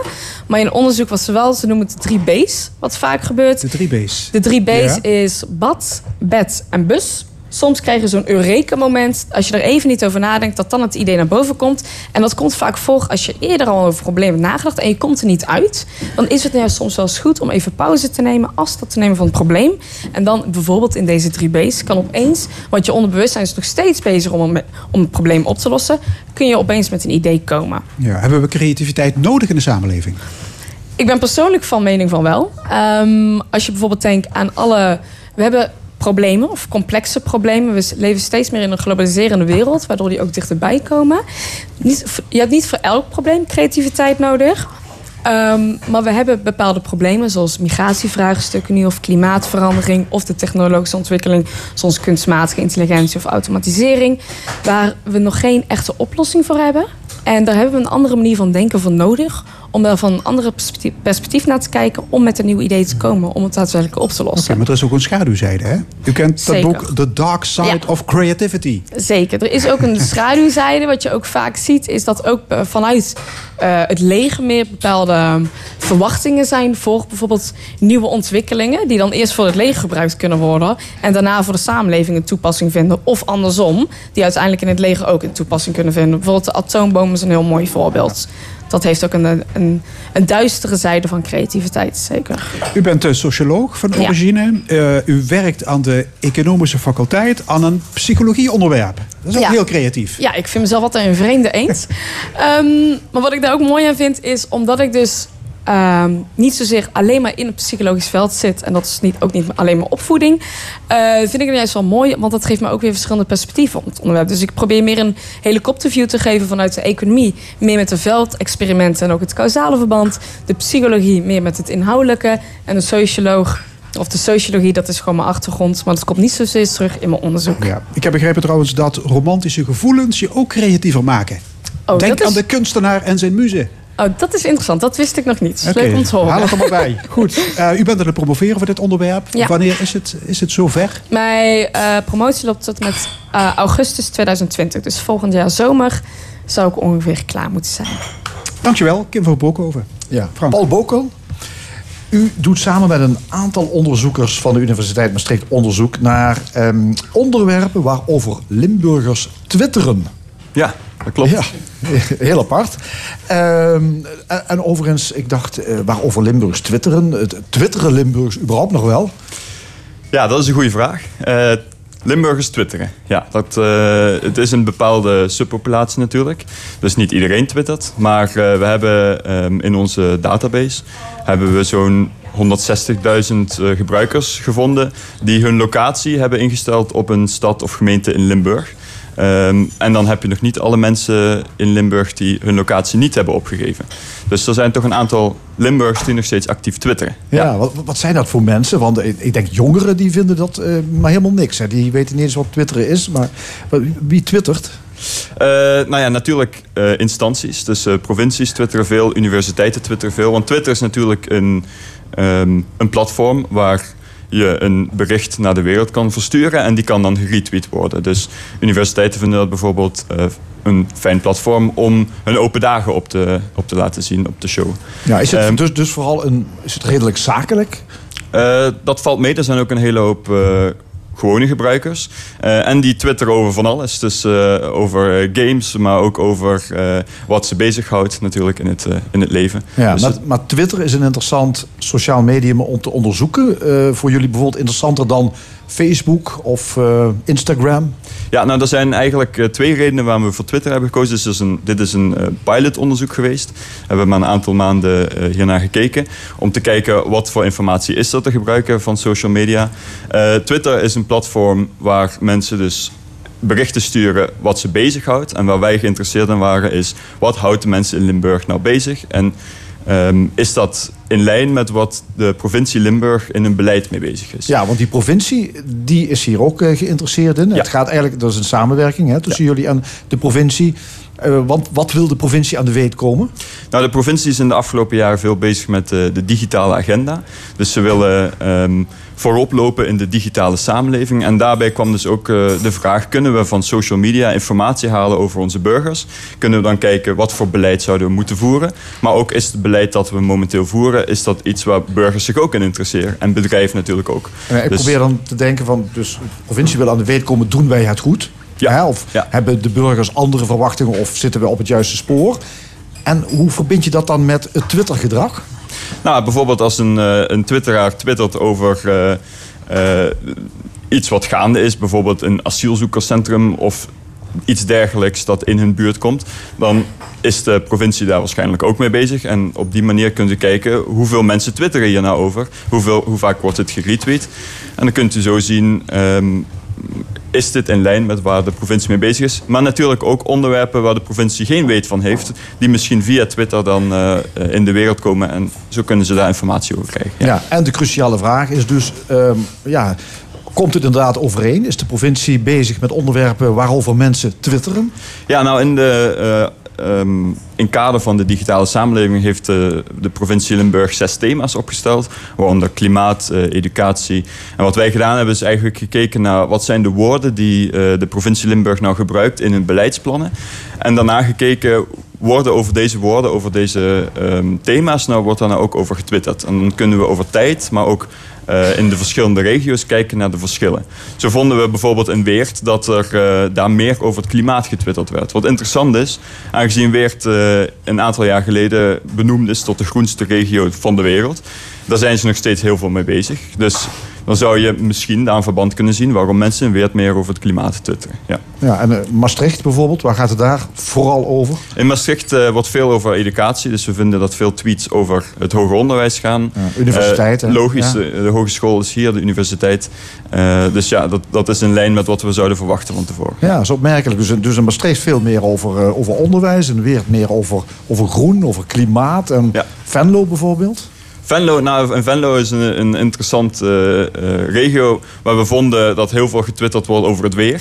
Eh, maar dat komt omdat er een weerstation is in Venlo, waar die iedere dag een tweet verstuurt. Dus daar krijg je een hele hoop tweets binnen. Dat is wel tamelijk vervuilend dus. Wordt bij, tamelijk vervuilend. Dus als je dan eh, naar de ruwe data krijgt, dan eh, is eh, de ehm, vochtigheid in de lucht een eh, belangrijk onderwerp in Venlo. Hashtag vochtigheid. Hashtag vochtigheid, ja. Ja. ik zag het staan. Ik dacht, het komt misschien omdat er allemaal die tuinders zitten... die elke dag zitten te kijken van wat is voor weer. Maar Nou, dat, is- dat is dus een, eh, een weerstation die iedere dag exact dezelfde tweet eh, naar buiten haalt, behalve dan de getallen zijn anders.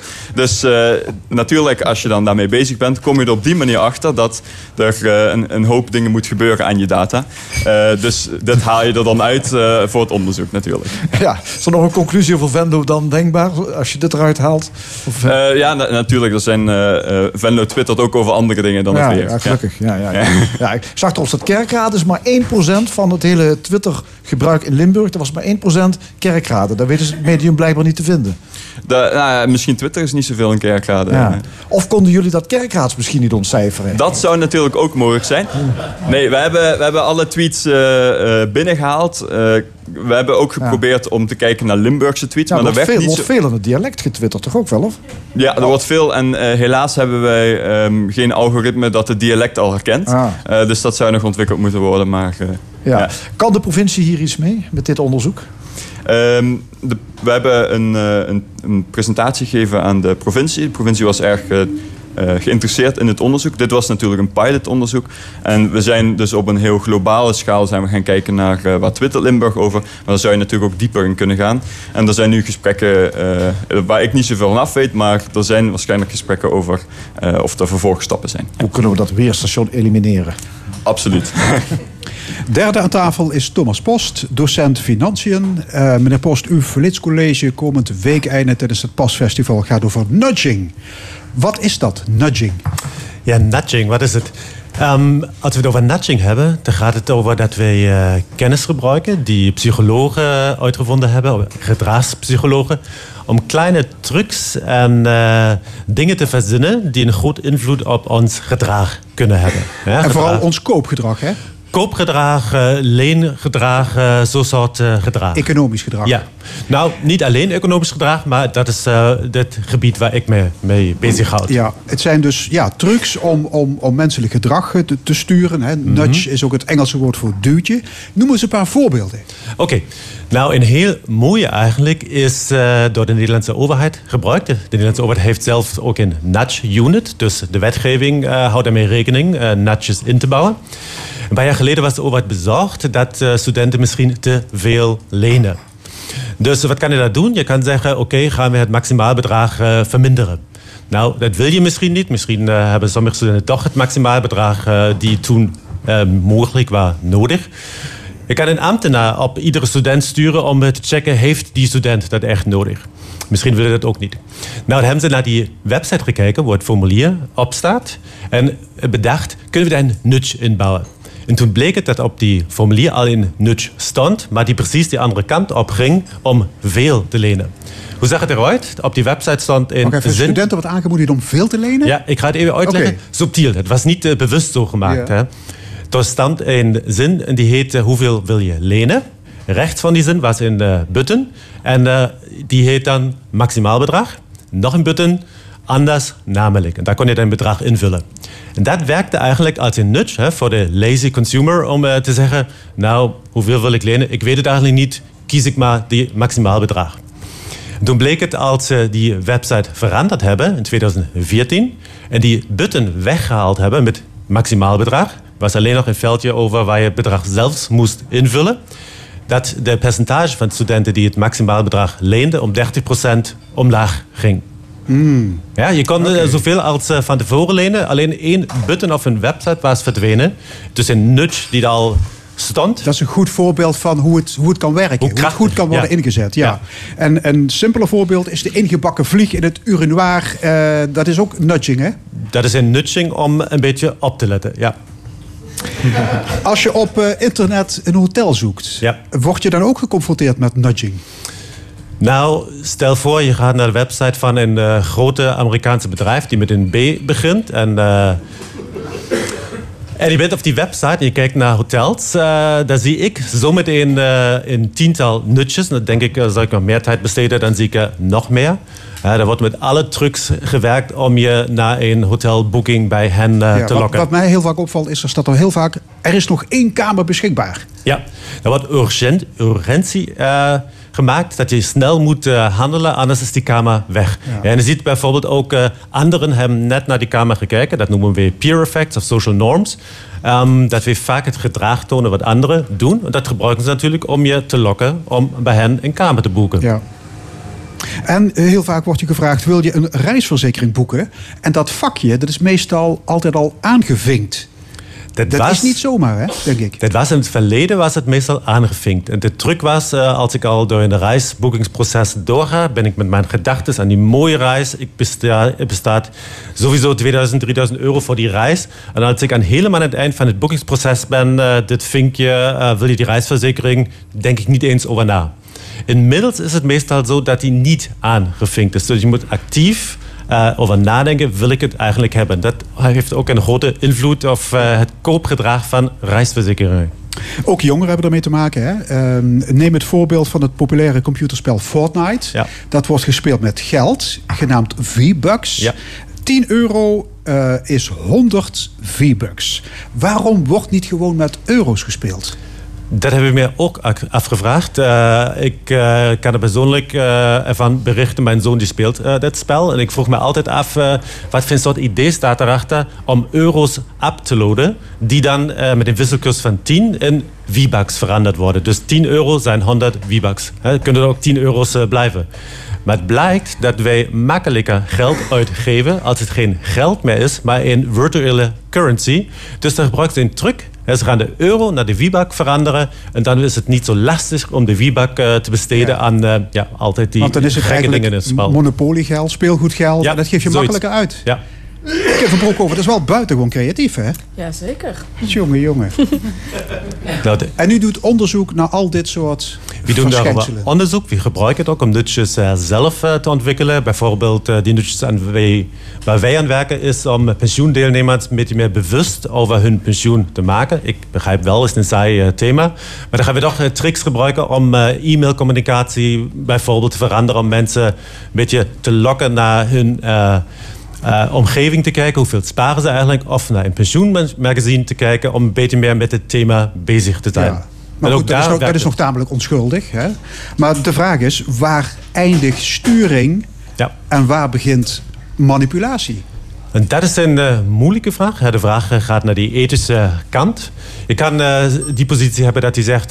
weet je wat, ik laat je alle keuzevrijheid. Hè? Ik, als ik de button daar weghaal of niet... je kan nog steeds kiezen zoals je wilt.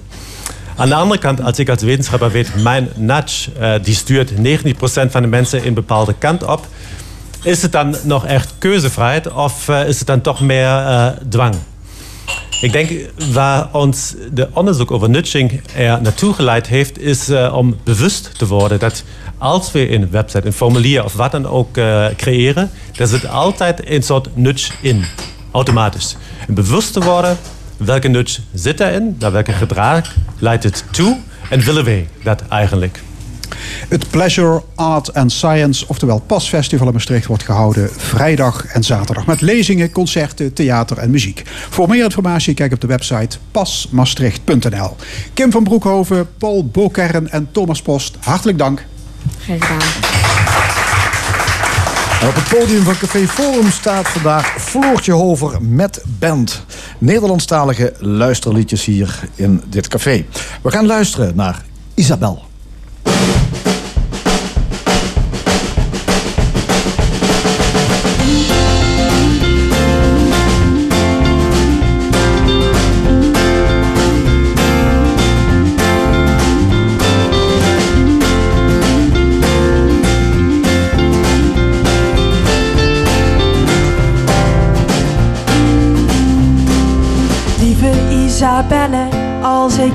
Eens zou vertellen hoe vaak ik jouw naam heb gespeld en de letters heb geteld. Bestudeerde elke klinker, vroeg me af hoe het zou klinken als ik je naam hardop zou zingen.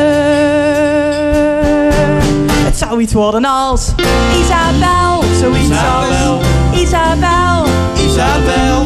Isabel, zoiets ongeveer. Zoiets Isabel. Isabel, Isabel. Isabel. We hebben allebei acht letters, allebei in onze naam. Brengt deze eigenschap mij minder ver bij jou vandaan. En op talloze manieren schrijf ik je naam op papier en hoop ik dat je daardoor weet hoe vaak ik aan je denk. Ba, ba, ba, ba, ba, ba, da, da, da, da.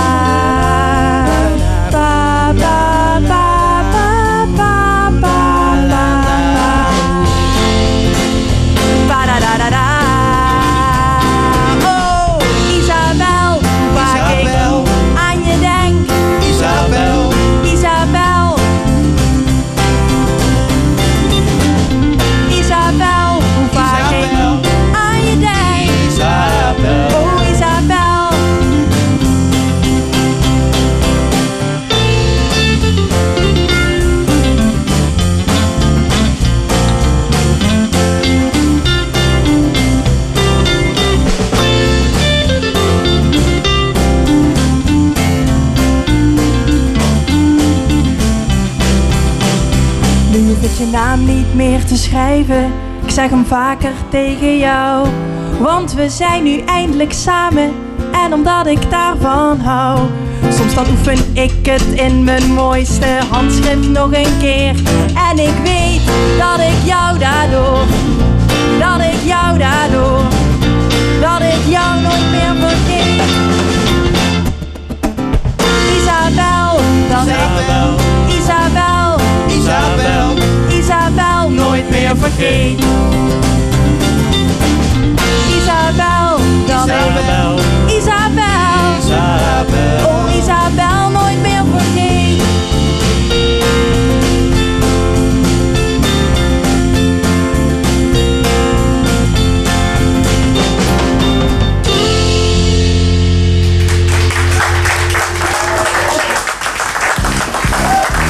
De column.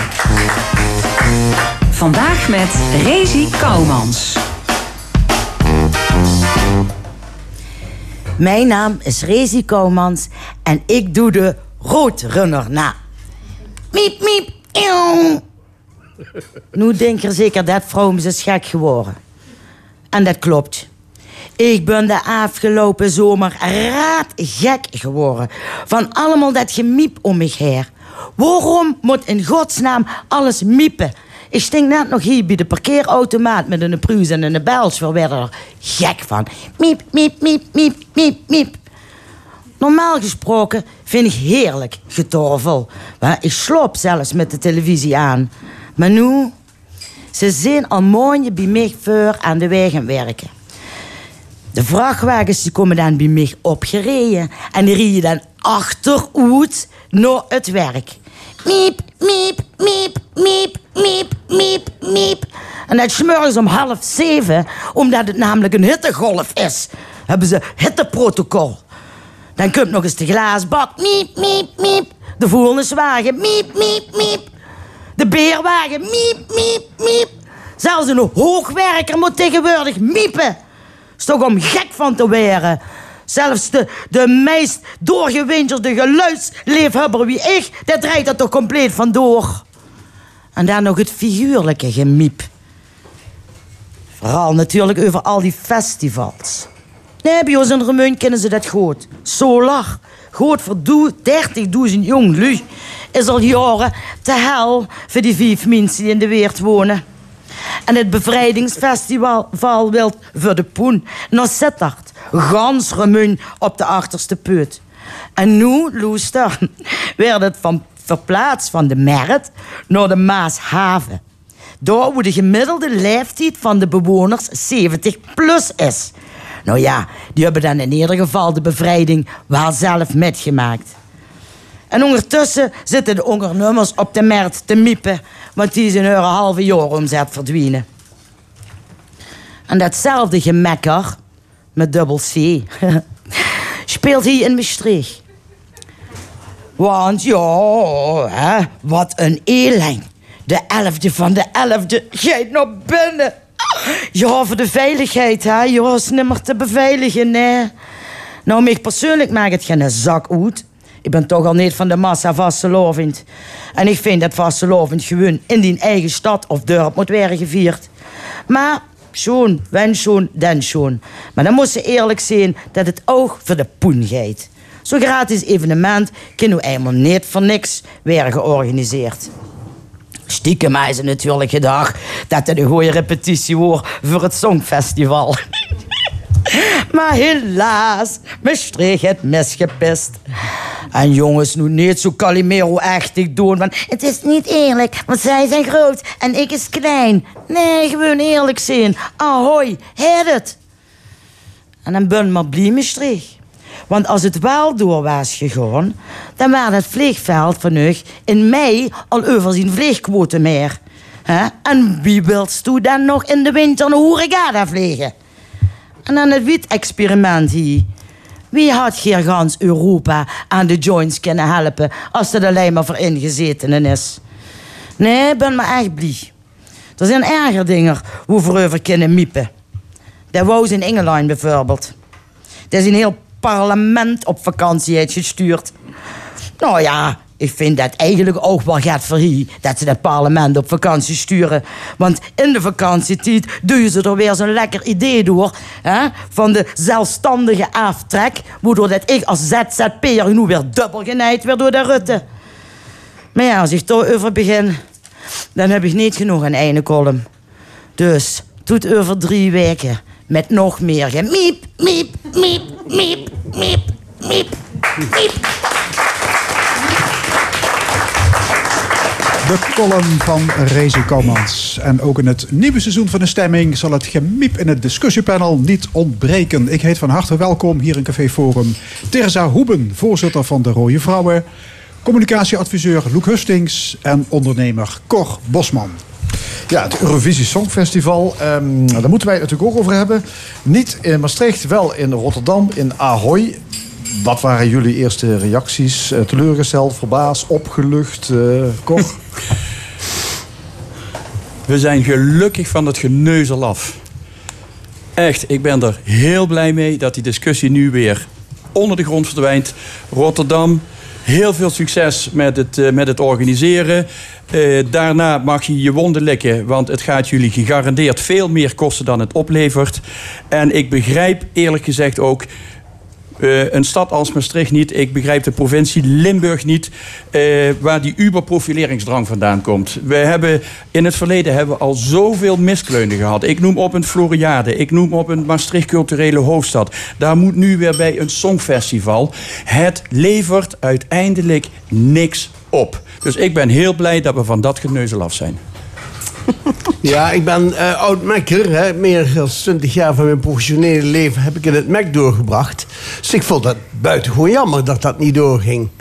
Ehm, als je nou ehm, kijkt naar de, twee op, naar twee proposities er waren, het Mac of Ahoy, dan is het inderdaad zo dat ehm, eh, Ahoy veel meer gebouwd is als een ehm, concertzaal dan dat het Mac is. En Mac is uiteindelijk een multifunctioneel centrum waar je alle mogelijke dingen kunt doen. En als je kijkt naar de dakconstructie, waar ze toch graag zo'n 100.000 kilo aan willen hangen, met licht en geluid en, en, en, en plasmaschermen, ik weet niet wat. Ehm, daarvoor zou Ahoy ingrepen moeten plegen, maar in het MEC zouden veel meer ingrepen moeten worden gepleegd. Dus als je naar de kostenplaatje kijkt, zou dat een consequentie zijn. En natuurlijk het daarmee gepaard gaande voorbereiding. Daar heb je tijd voor nodig. Je kunt dat niet eh, zomaar de lucht inschieten. Eh dus uh, TFAF die er net over afgaat, die moet... ehm, moet ook kunnen doorgaan zonder dat daar eh, aan het dak gewerkt wordt. Enfin, er zijn zo'n hoop. eh, Dus je zegt van- heel rationeel bekeken, is dit eigenlijk als de je die naast elkaar zet, er zijn natuurlijk ook nog andere argumenten waarvan je zegt, het zou Maastricht misschien aantrekkelijker zijn, eh, gezien zijn eh, Europese ligging, Europese uitstraling, ga eens maar door. Er zijn veel dingen, maar gewoon als je puur rationeel bekijkt op de locatie, en daar is volgens mij de beslissing over gevallen, dan is dit feitelijk de conclusie, hoe jammer het ook is. Ja, Teresa Hoepen? Nou ja, kijk, ik ben heel eerlijk. Ik ben gewoon uber trots hoe wij deze campagnemolen hebben gedraaid. Ik ben wel eens anders gewend van Limburg geweest. En hoe gaaf vond ik het dat de dag erna al dat Duncan Lawrence had gewonnen... onze eigen burgemeester Pen vol trots zei... wij willen het gewoon naar Remont, of naar naar Limburg halen. En we willen het naar Maastricht halen. En vanuit dat moment ook gewoon echt heel proactief Limburg op de kaart gezet. Ik vind dat we daar echt wel trots op mogen zijn dat wij tot de laatste twee hebben behoord. En tuurlijk, waarschijnlijk wist het MEC al een paar weken geleden dat zij niet de kans kregen om dit te organiseren.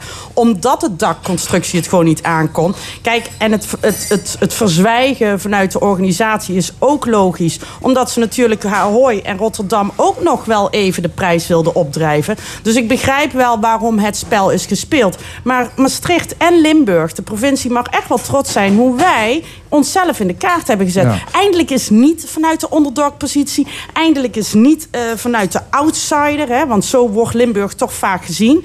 Nee, we hebben gewoon Limburg en met name ons Zuid-Limburg op de kaart gezet. Ja, maar, maar moet je dan, er zijn natuurlijk wel heel veel kosten gemaakt. Je zei ook al, er was natuurlijk al bekend, toch wel in een eerder stadium, dat dat wel. niet voldeed. Nou, nou, nou, nou, het is zo dat, dat Dus de moet je dat- competitie is tot het einde toe competitie Precies. gebleven, hoor. Ja, dat kan je ik je wel vertellen. Ja, maar als je toch weet dat je niet aan de eisen voldoet. Ja, maar alles zijn- is technisch oplosbaar. Hè? Je kunt, ehm, als je een probleem is, kun je het probleem oplossen. Klopt. dat, dat brengt bepaalde kosten met zich mee, maar alles kan. Ja, maar weet je, weet je niet onverantwoord? Het zijn wel gemeenschapskosten. Ik las eh 5,2 miljoen kosten zijn er gemaakt alleen door ambtenaren die in huis zijn. Eh, je kunt je afvragen wat. ehm, eh, en uh, Theresa ging er al even op in. Wat het effect is geweest van het feit dat, dat in één klap alle handen ineengeslagen werden. en samen aan hetzelfde touw gingen trekken. Ik denk dat dat voor Limburg, gewoon van de onderlinge samenhang. denk ik dat dat al een geweldig pluspunt is. Dat is volgens mij met gegouden betalen. Daarbij komt dat de publiciteit die desondanks ehm, van dit onderwerp afkomstig is, dat dat heel goed gewerkt heeft. En als je bedenkt. Hoezo werkt dat dan goed? Wat gebeurt dan eh, na alleen Maastricht heeft beeldvorming, hè? Bijvoorbeeld, maar je moet je je de realiseren. enige als er- tweede bent? Ja, maar wacht nou even. Als er een internationaal congres ehm, besloten moet worden, of dat naar, ehm, naar eh, Groningen gaat of naar Maastricht, dan zijn het vaak nationale comité's die voor het internationale congres beslissen waar dat naartoe gaat. Dus die promotie in Nederland voor het MEC is heel belangrijk. Dus laten we zeggen, dat heeft iets opgeleverd. Hoe? Dat is moeilijk te becijferen hoeveel dat is. Maar dat het, eh, volgens mij is het dus wel erg positief geweest. Ja, vinden jullie het niet vreemd dat dit eigenlijk eh, als wedstrijd gezien wordt? Is Maastricht ook een beetje voor de gek gehouden door NOS, Avro, Tros? Misschien, misschien wel. Ik, eh, ik heb niet bij die eh, gesprekken gezeten. Ehm, eh, ik kan het me zomaar voorstellen dat er, ja, dat er aan de achterkant andere sentimenten meespelen en, en, en, en andere een dubbele agenda heerst. Maar ik wil toch heel even teruggaan naar wat Teresa net zei: van, van die underdog-positie van, van Limburg, van Maastricht. En dat is precies wat ik bedoel met die uberprofileringsdrang van Maastricht, van Limburg. Ik voel mij op geen enkele manier minder dan wie dan ook in Nederland. En op een of andere manier heeft provincie Limburg dat wel. En dat willen ze provinciaal uitdragen. Dat wil Maastricht wil dat uitdragen. Ik zou zeggen, ben meer trots op jezelf. Want alle projecten wat ik net opnoemde, die hebben een aantal overeenkomsten. Ze zijn overtuigd van het verhaal. Maastricht dacht nadat eh, die, eh, die goede man het Songfestival won... stond eh, de burgemeester al op de barricades van... wij gaan het volgend jaar het Songfestival... maar daar gaan we wel heel veel publiek geld voor gebruiken. Niet de eigen beurs trekken... En het zijn allemaal eurofiele prestigeprojecten. Maar laat ons heel eerlijk zijn. Het zal de gemiddelde Maastrichtenaar en Limburger een reet roesten... of het, of het Songfestival nu in Maastricht komt of in, eh, of in Rotterdam. Maar, maar zeg jij nou dat het vanuit een underdog-positie, Calimero... eh, Nee, Lim- Limburg, Limburg, heeft, Limburg heeft een uberprofileringsdrang. En dat wordt gevoed uit, uit, uit, uit het een heel diep verlangen om er toch bij te horen. Om toch iets te kunnen presteren. En je zei net zelf al van ja, de eeuwige tweede. Ja, Joop Zoetemelk was vroeger ook de eeuwige tweede. Maar dit is nou precies eens een keer een andere campagne. Want wij voeren normaal altijd activiteiten vanuit een underdog-positie. En zo zien ze ons ook, de eeuwige tweede. Ja, maar dat doet Limburg was voor zelf. de allereerste Dat doet keer. Limburg zelf. Ik ben daar niet mee eens. Want dit keer hebben we echt een hele mooie, positief geoliede machine gedraaid. Waarin de trotsheid over Limburg en, en over onze Ja. eigen cultuur heel erg naar boven kwam. En daar ben ik normaal niet gewend van ze. Want Het ik is- ben juist dat Calimerootje Het gewend. is, het en die is heb ik gewoon, niet gezien het dit is keer. gewoon big business dit. Het is voor een heel select groepje. Het is niet voor de, voor de doorsnee Limburger. Het is voor gewoon een heel select groepje. Nou, nou, nou, nou, nou, nou, ik wacht wou eens even. net zeggen. Als er, eh, 500, als er 500 miljoen mensen naar een programma kijken, kun je toch niet zeggen dat dat voor een heel select groepje is? Nee, dat is voor Nou, heel we gaan, we gaan, veel we mensen gaan, in de hele nou, eh, gaan we even, wereld. als we het toch over cijfers hebben. Het zijn er geen 500 miljoen, het zijn er 200 miljoen. Maar als het scheelt- Maastricht was geweest, waren het dat zeker scheelt, dubbele. Dat scheelt, nog, dat scheelt nog iets. Waar het mij om gaat, is dat eh, onze provincie en de stad Maastricht... en natuurlijk is het hebben van ambitie, dat is natuurlijk perfect. Maar hoe smart is die ambitie? Hoe specifiek, hoe meetbaar, hoe realistisch is het? En dan ook nog eens een keer aanjagen met publiek geld... waar maar een heel klein select groepje... Kijk eens even, en die meneer net... klein die, die, ja, een Ja. klein select groepje. Die Een klein 200 select miljoen van jou. Precies, ja. Die 200 miljoen die zitten thuis voor een tv te kijken. Die 70 of eh, die 70.000 hotelovernachtingen. Daar profiteert maar een heel klein select groepje van. Dat zijn namelijk de hoteliers. Waar de prijzen 4, 5, 6 keer over de kop gaan. Eh, eh, eh, hotelkamers in Rotterdam. Kijk eens op de site booking.com. Daar, staat, daar staan voor de periode dat volgend jaar de finale is. Daar worden hotelkamers die normaal 150 euro per nacht kosten. Die staan nu al voor meer dan 1000 euro. Maar dit zijn natuurlijk zwakke argumenten. Je Nee, dat is geen- dat is geen- Nee, nou. want je kunt net als besluiten...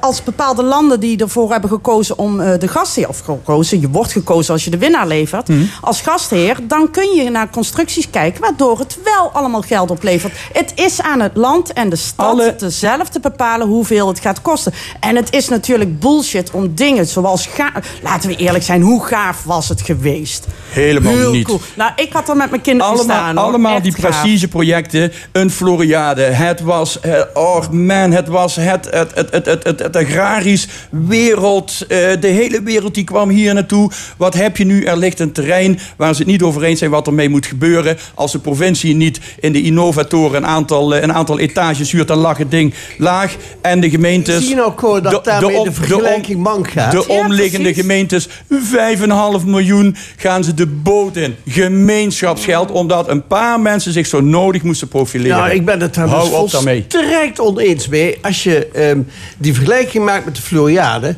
is daar een compleet nieuw terrein Precies, ontwikkeld. Er zijn ja. nieuwe gebouwen Ja. neergezet. Toevallig staat er in Maastricht een gebouw, dat heet MEC. En daar zou dat in gebeuren. Ehm, wat je dit opgeleverd zou hebben... is in de hele wereld ehm, een enorme stroom van Maastricht-promotie. En daarvoor heeft men geld over.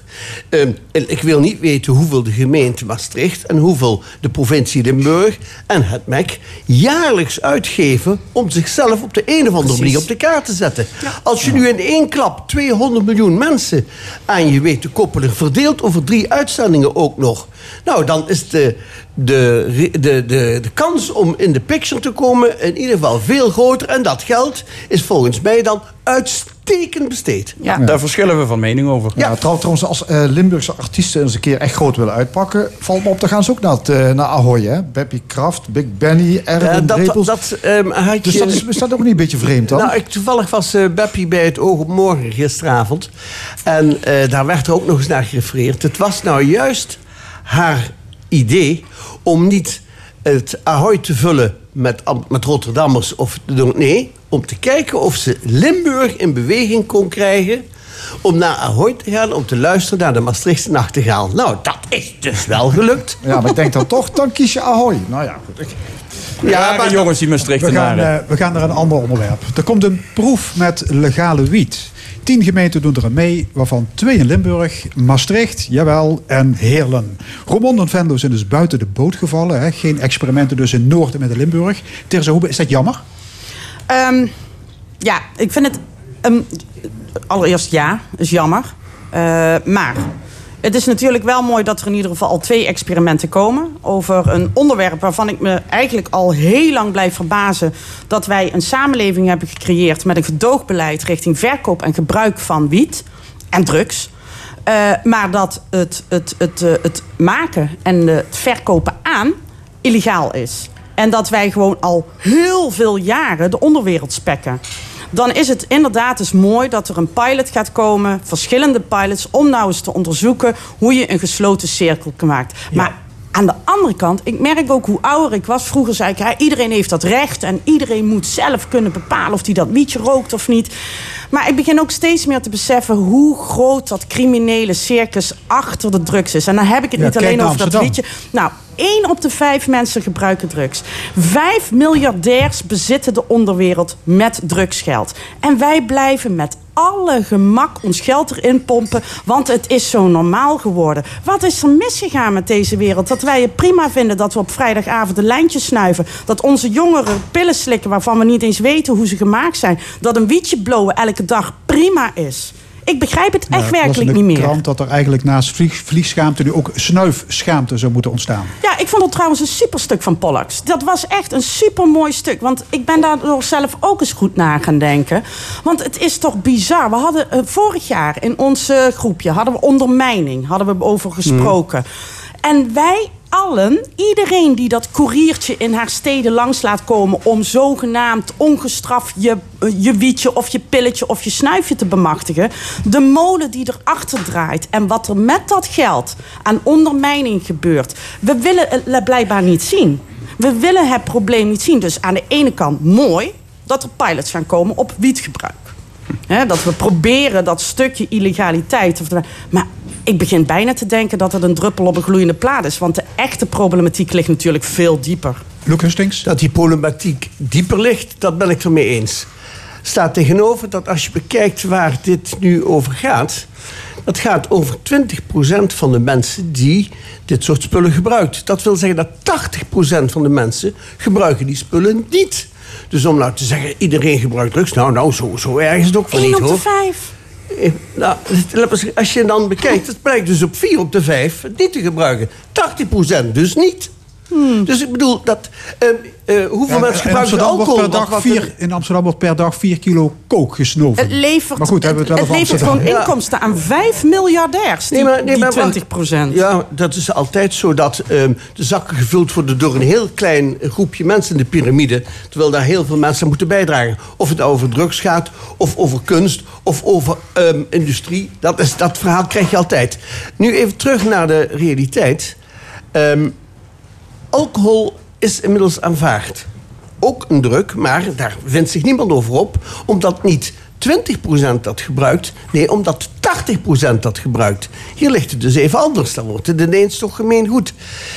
Een heel andere vraag, inderdaad, en daar wil ik graag meegaan. Dat criminele circuit, dat, ehm, dat op de achtergrond draait... dat is wel zo gigantisch dat je daar grote zorgen op kunt maken. De vraag is nu of je met het legaliseren... Hè, of met het, met het doen van zo'n proef, of je dat oplost. Nou, als je daar door zo'n proef te doen een uitslag over kunt krijgen... en laten we hopen dat dat ehm, in de lijn ligt die men verwacht... nou, dan is dat heel positief. Maar ik moet het toch zien. maar, de- maar is dat mogelijk om, om eh, op basis van een proef in tien gemeenten te kunnen zien of die criminaliteit afneemt. Want die criminelen gaan niet Je alleen kunt voor dat in die gemeentes natuurlijk wel be- eh, bestuderen. Hè? Maar alleen over het stukje wietgebruik. Maar Ja, dat is maar een heel klein stukje van het drugsprobleem. Alhoewel, ik heb de indruk dat, eh, dat ehm, misschien een klein stukje van het drugsprobleem... maar in de crim- het criminele geld gaat met name in verdovende middelen op. Nou, weet je wat ik wel angstig vind? Hè? Het gemak dat wij hier weer over praten. Hè? Het is vooral over eh, hoe komen we eraan. Maar ik, ik vind vooral belangrijk dat wij ook beseffen... hoe het allemaal eh, tot, tot die eh, gebruiker komt. Hè? Want die gebruiker ziet zichzelf niet als drugsgebruiker. Hè? Die zegt gewoon, dit zijn pilletjes en lijntjes... die horen gewoon tegenwoordig bij het dagelijkse leven. En een blootje, ja sorry, dat is zelfs gezond in sommige gevallen. Maar hoe komt het bij die burger? Hoe komt het eh, bij die gebruiker? En als je dan ziet dat het criminele, criminele circuit steeds meer jongeren beginnen in te zetten, heel actief op zeer jonge leeftijd. Nou, ik begin me echt wel zorgen te baren dat wij een samenleving waar wiet, pillen en lijntjes exact hetzelfde worden bekeken al als inderdaad die alcoholflessen in de schappen. Hetzelfde als met roken. We vinden het prima dat het in elke supermarkt te krijgen is. Er gaat echt iets mis met onze denkwijze. Nou, en dat geeft dus precies aan, hoe, dat geeft dus precies aan hoe naïef dit, dit, eh, dit hele plan is.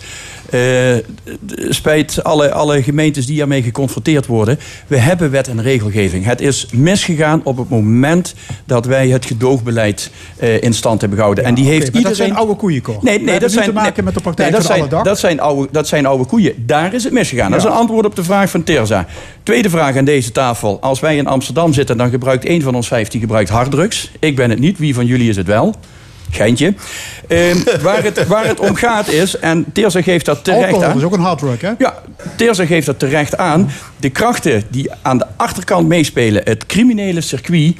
Geloof nou echt niet dat je met deze proef dat je die krachten weg kunt nemen. Die mensen die daar kapitalen mee verdienen, laten zich dat echt niet afnemen. En als je bijvoorbeeld kijkt wat er bijvoorbeeld in Amsterdam aan de hand is, waar gewoon omdat we het niet met elkaar eens zijn, even een handgranaatje ergens neerleggen. En als het nog een, een, een graadje erger moet iemand zijn kop eraf snijden, op de stoep voor je pand neerleggen. Ja, die mensen die houden zich niet aan spelregeltjes. En dan hoor ik een, eh, een, een, een, een ik ben even de naam van die meneer vergeten, eh, die voorzitter van die commissie. Die zegt van ja, wij moeten dit nu wel. André. Ja, Knot- ja, juist, way. Knot-Nerus, ja, die meneer. Ehm, wij moeten wel zorgen dat we dat op een legale manier doen. En wij moeten die mensen kunnen controleren en die moeten daar logboeken van gaan bijhouden. Houd toch op, meneer, in welke bo- wereld leef jij? bovendien 80% van die hennepteelt wordt naar het buitenland geëxporteerd. Dus de vraag is of die grootschalige illegale wietkwekers niet gewoon blijven bestaan. Tuurlijk. Nee, dat, dat, dat, dat is ook mijn zorg. En tenminste, ik denk dat het ook gewoon zo blijft. Kijk, feit blijft wel dat ik het altijd raar heb gevonden... dat we eh, de verkoop eh, prima vinden, maar het telen ervan niet. Eh, ik vind het dus heel goed dat als wij met z'n allen hebben afgesproken... wiet vinden wij oké, dan moet je een gesloten... Ja, en die teelt wordt inderdaad nu Nou, gelegaliseerd. prima, die moeten straks gewoon ik- belasting betalen. Maar ik heb niet de illusie dat dit het criminele circuit gaat beperken. Ik heb ook niet de illusie dat gemeentes nu zichtbaar krijgen hoe die criminaliteit in elkaar zit. Ik vind het wel dat wij als samenleving echt eens moeten gaan nadenken. Vinden wij het prima dat wij met z'n allen zo'n groot crimineel circuit eh, hand, eigenlijk in de hand werken? Ja. En als de prijs van de straathandel lager ligt dan in die gereguleerde Precies. shops, Nou, heb je helemaal een probleem. Hè? Ja, maar er- want, want ehm, eh, hier heb je natuurlijk een punt. Hè? Eh, de prijs is er één, maar er komt nog iets anders bij. Ehm, we praten over wiet, hè? dat is volgens mij een instapdruk. Dat is heel aardig, maar het stelt weinig voor. Die, die echte criminele wereld, die zit niet in die wiet. Die zit in de stap die daarachter komt.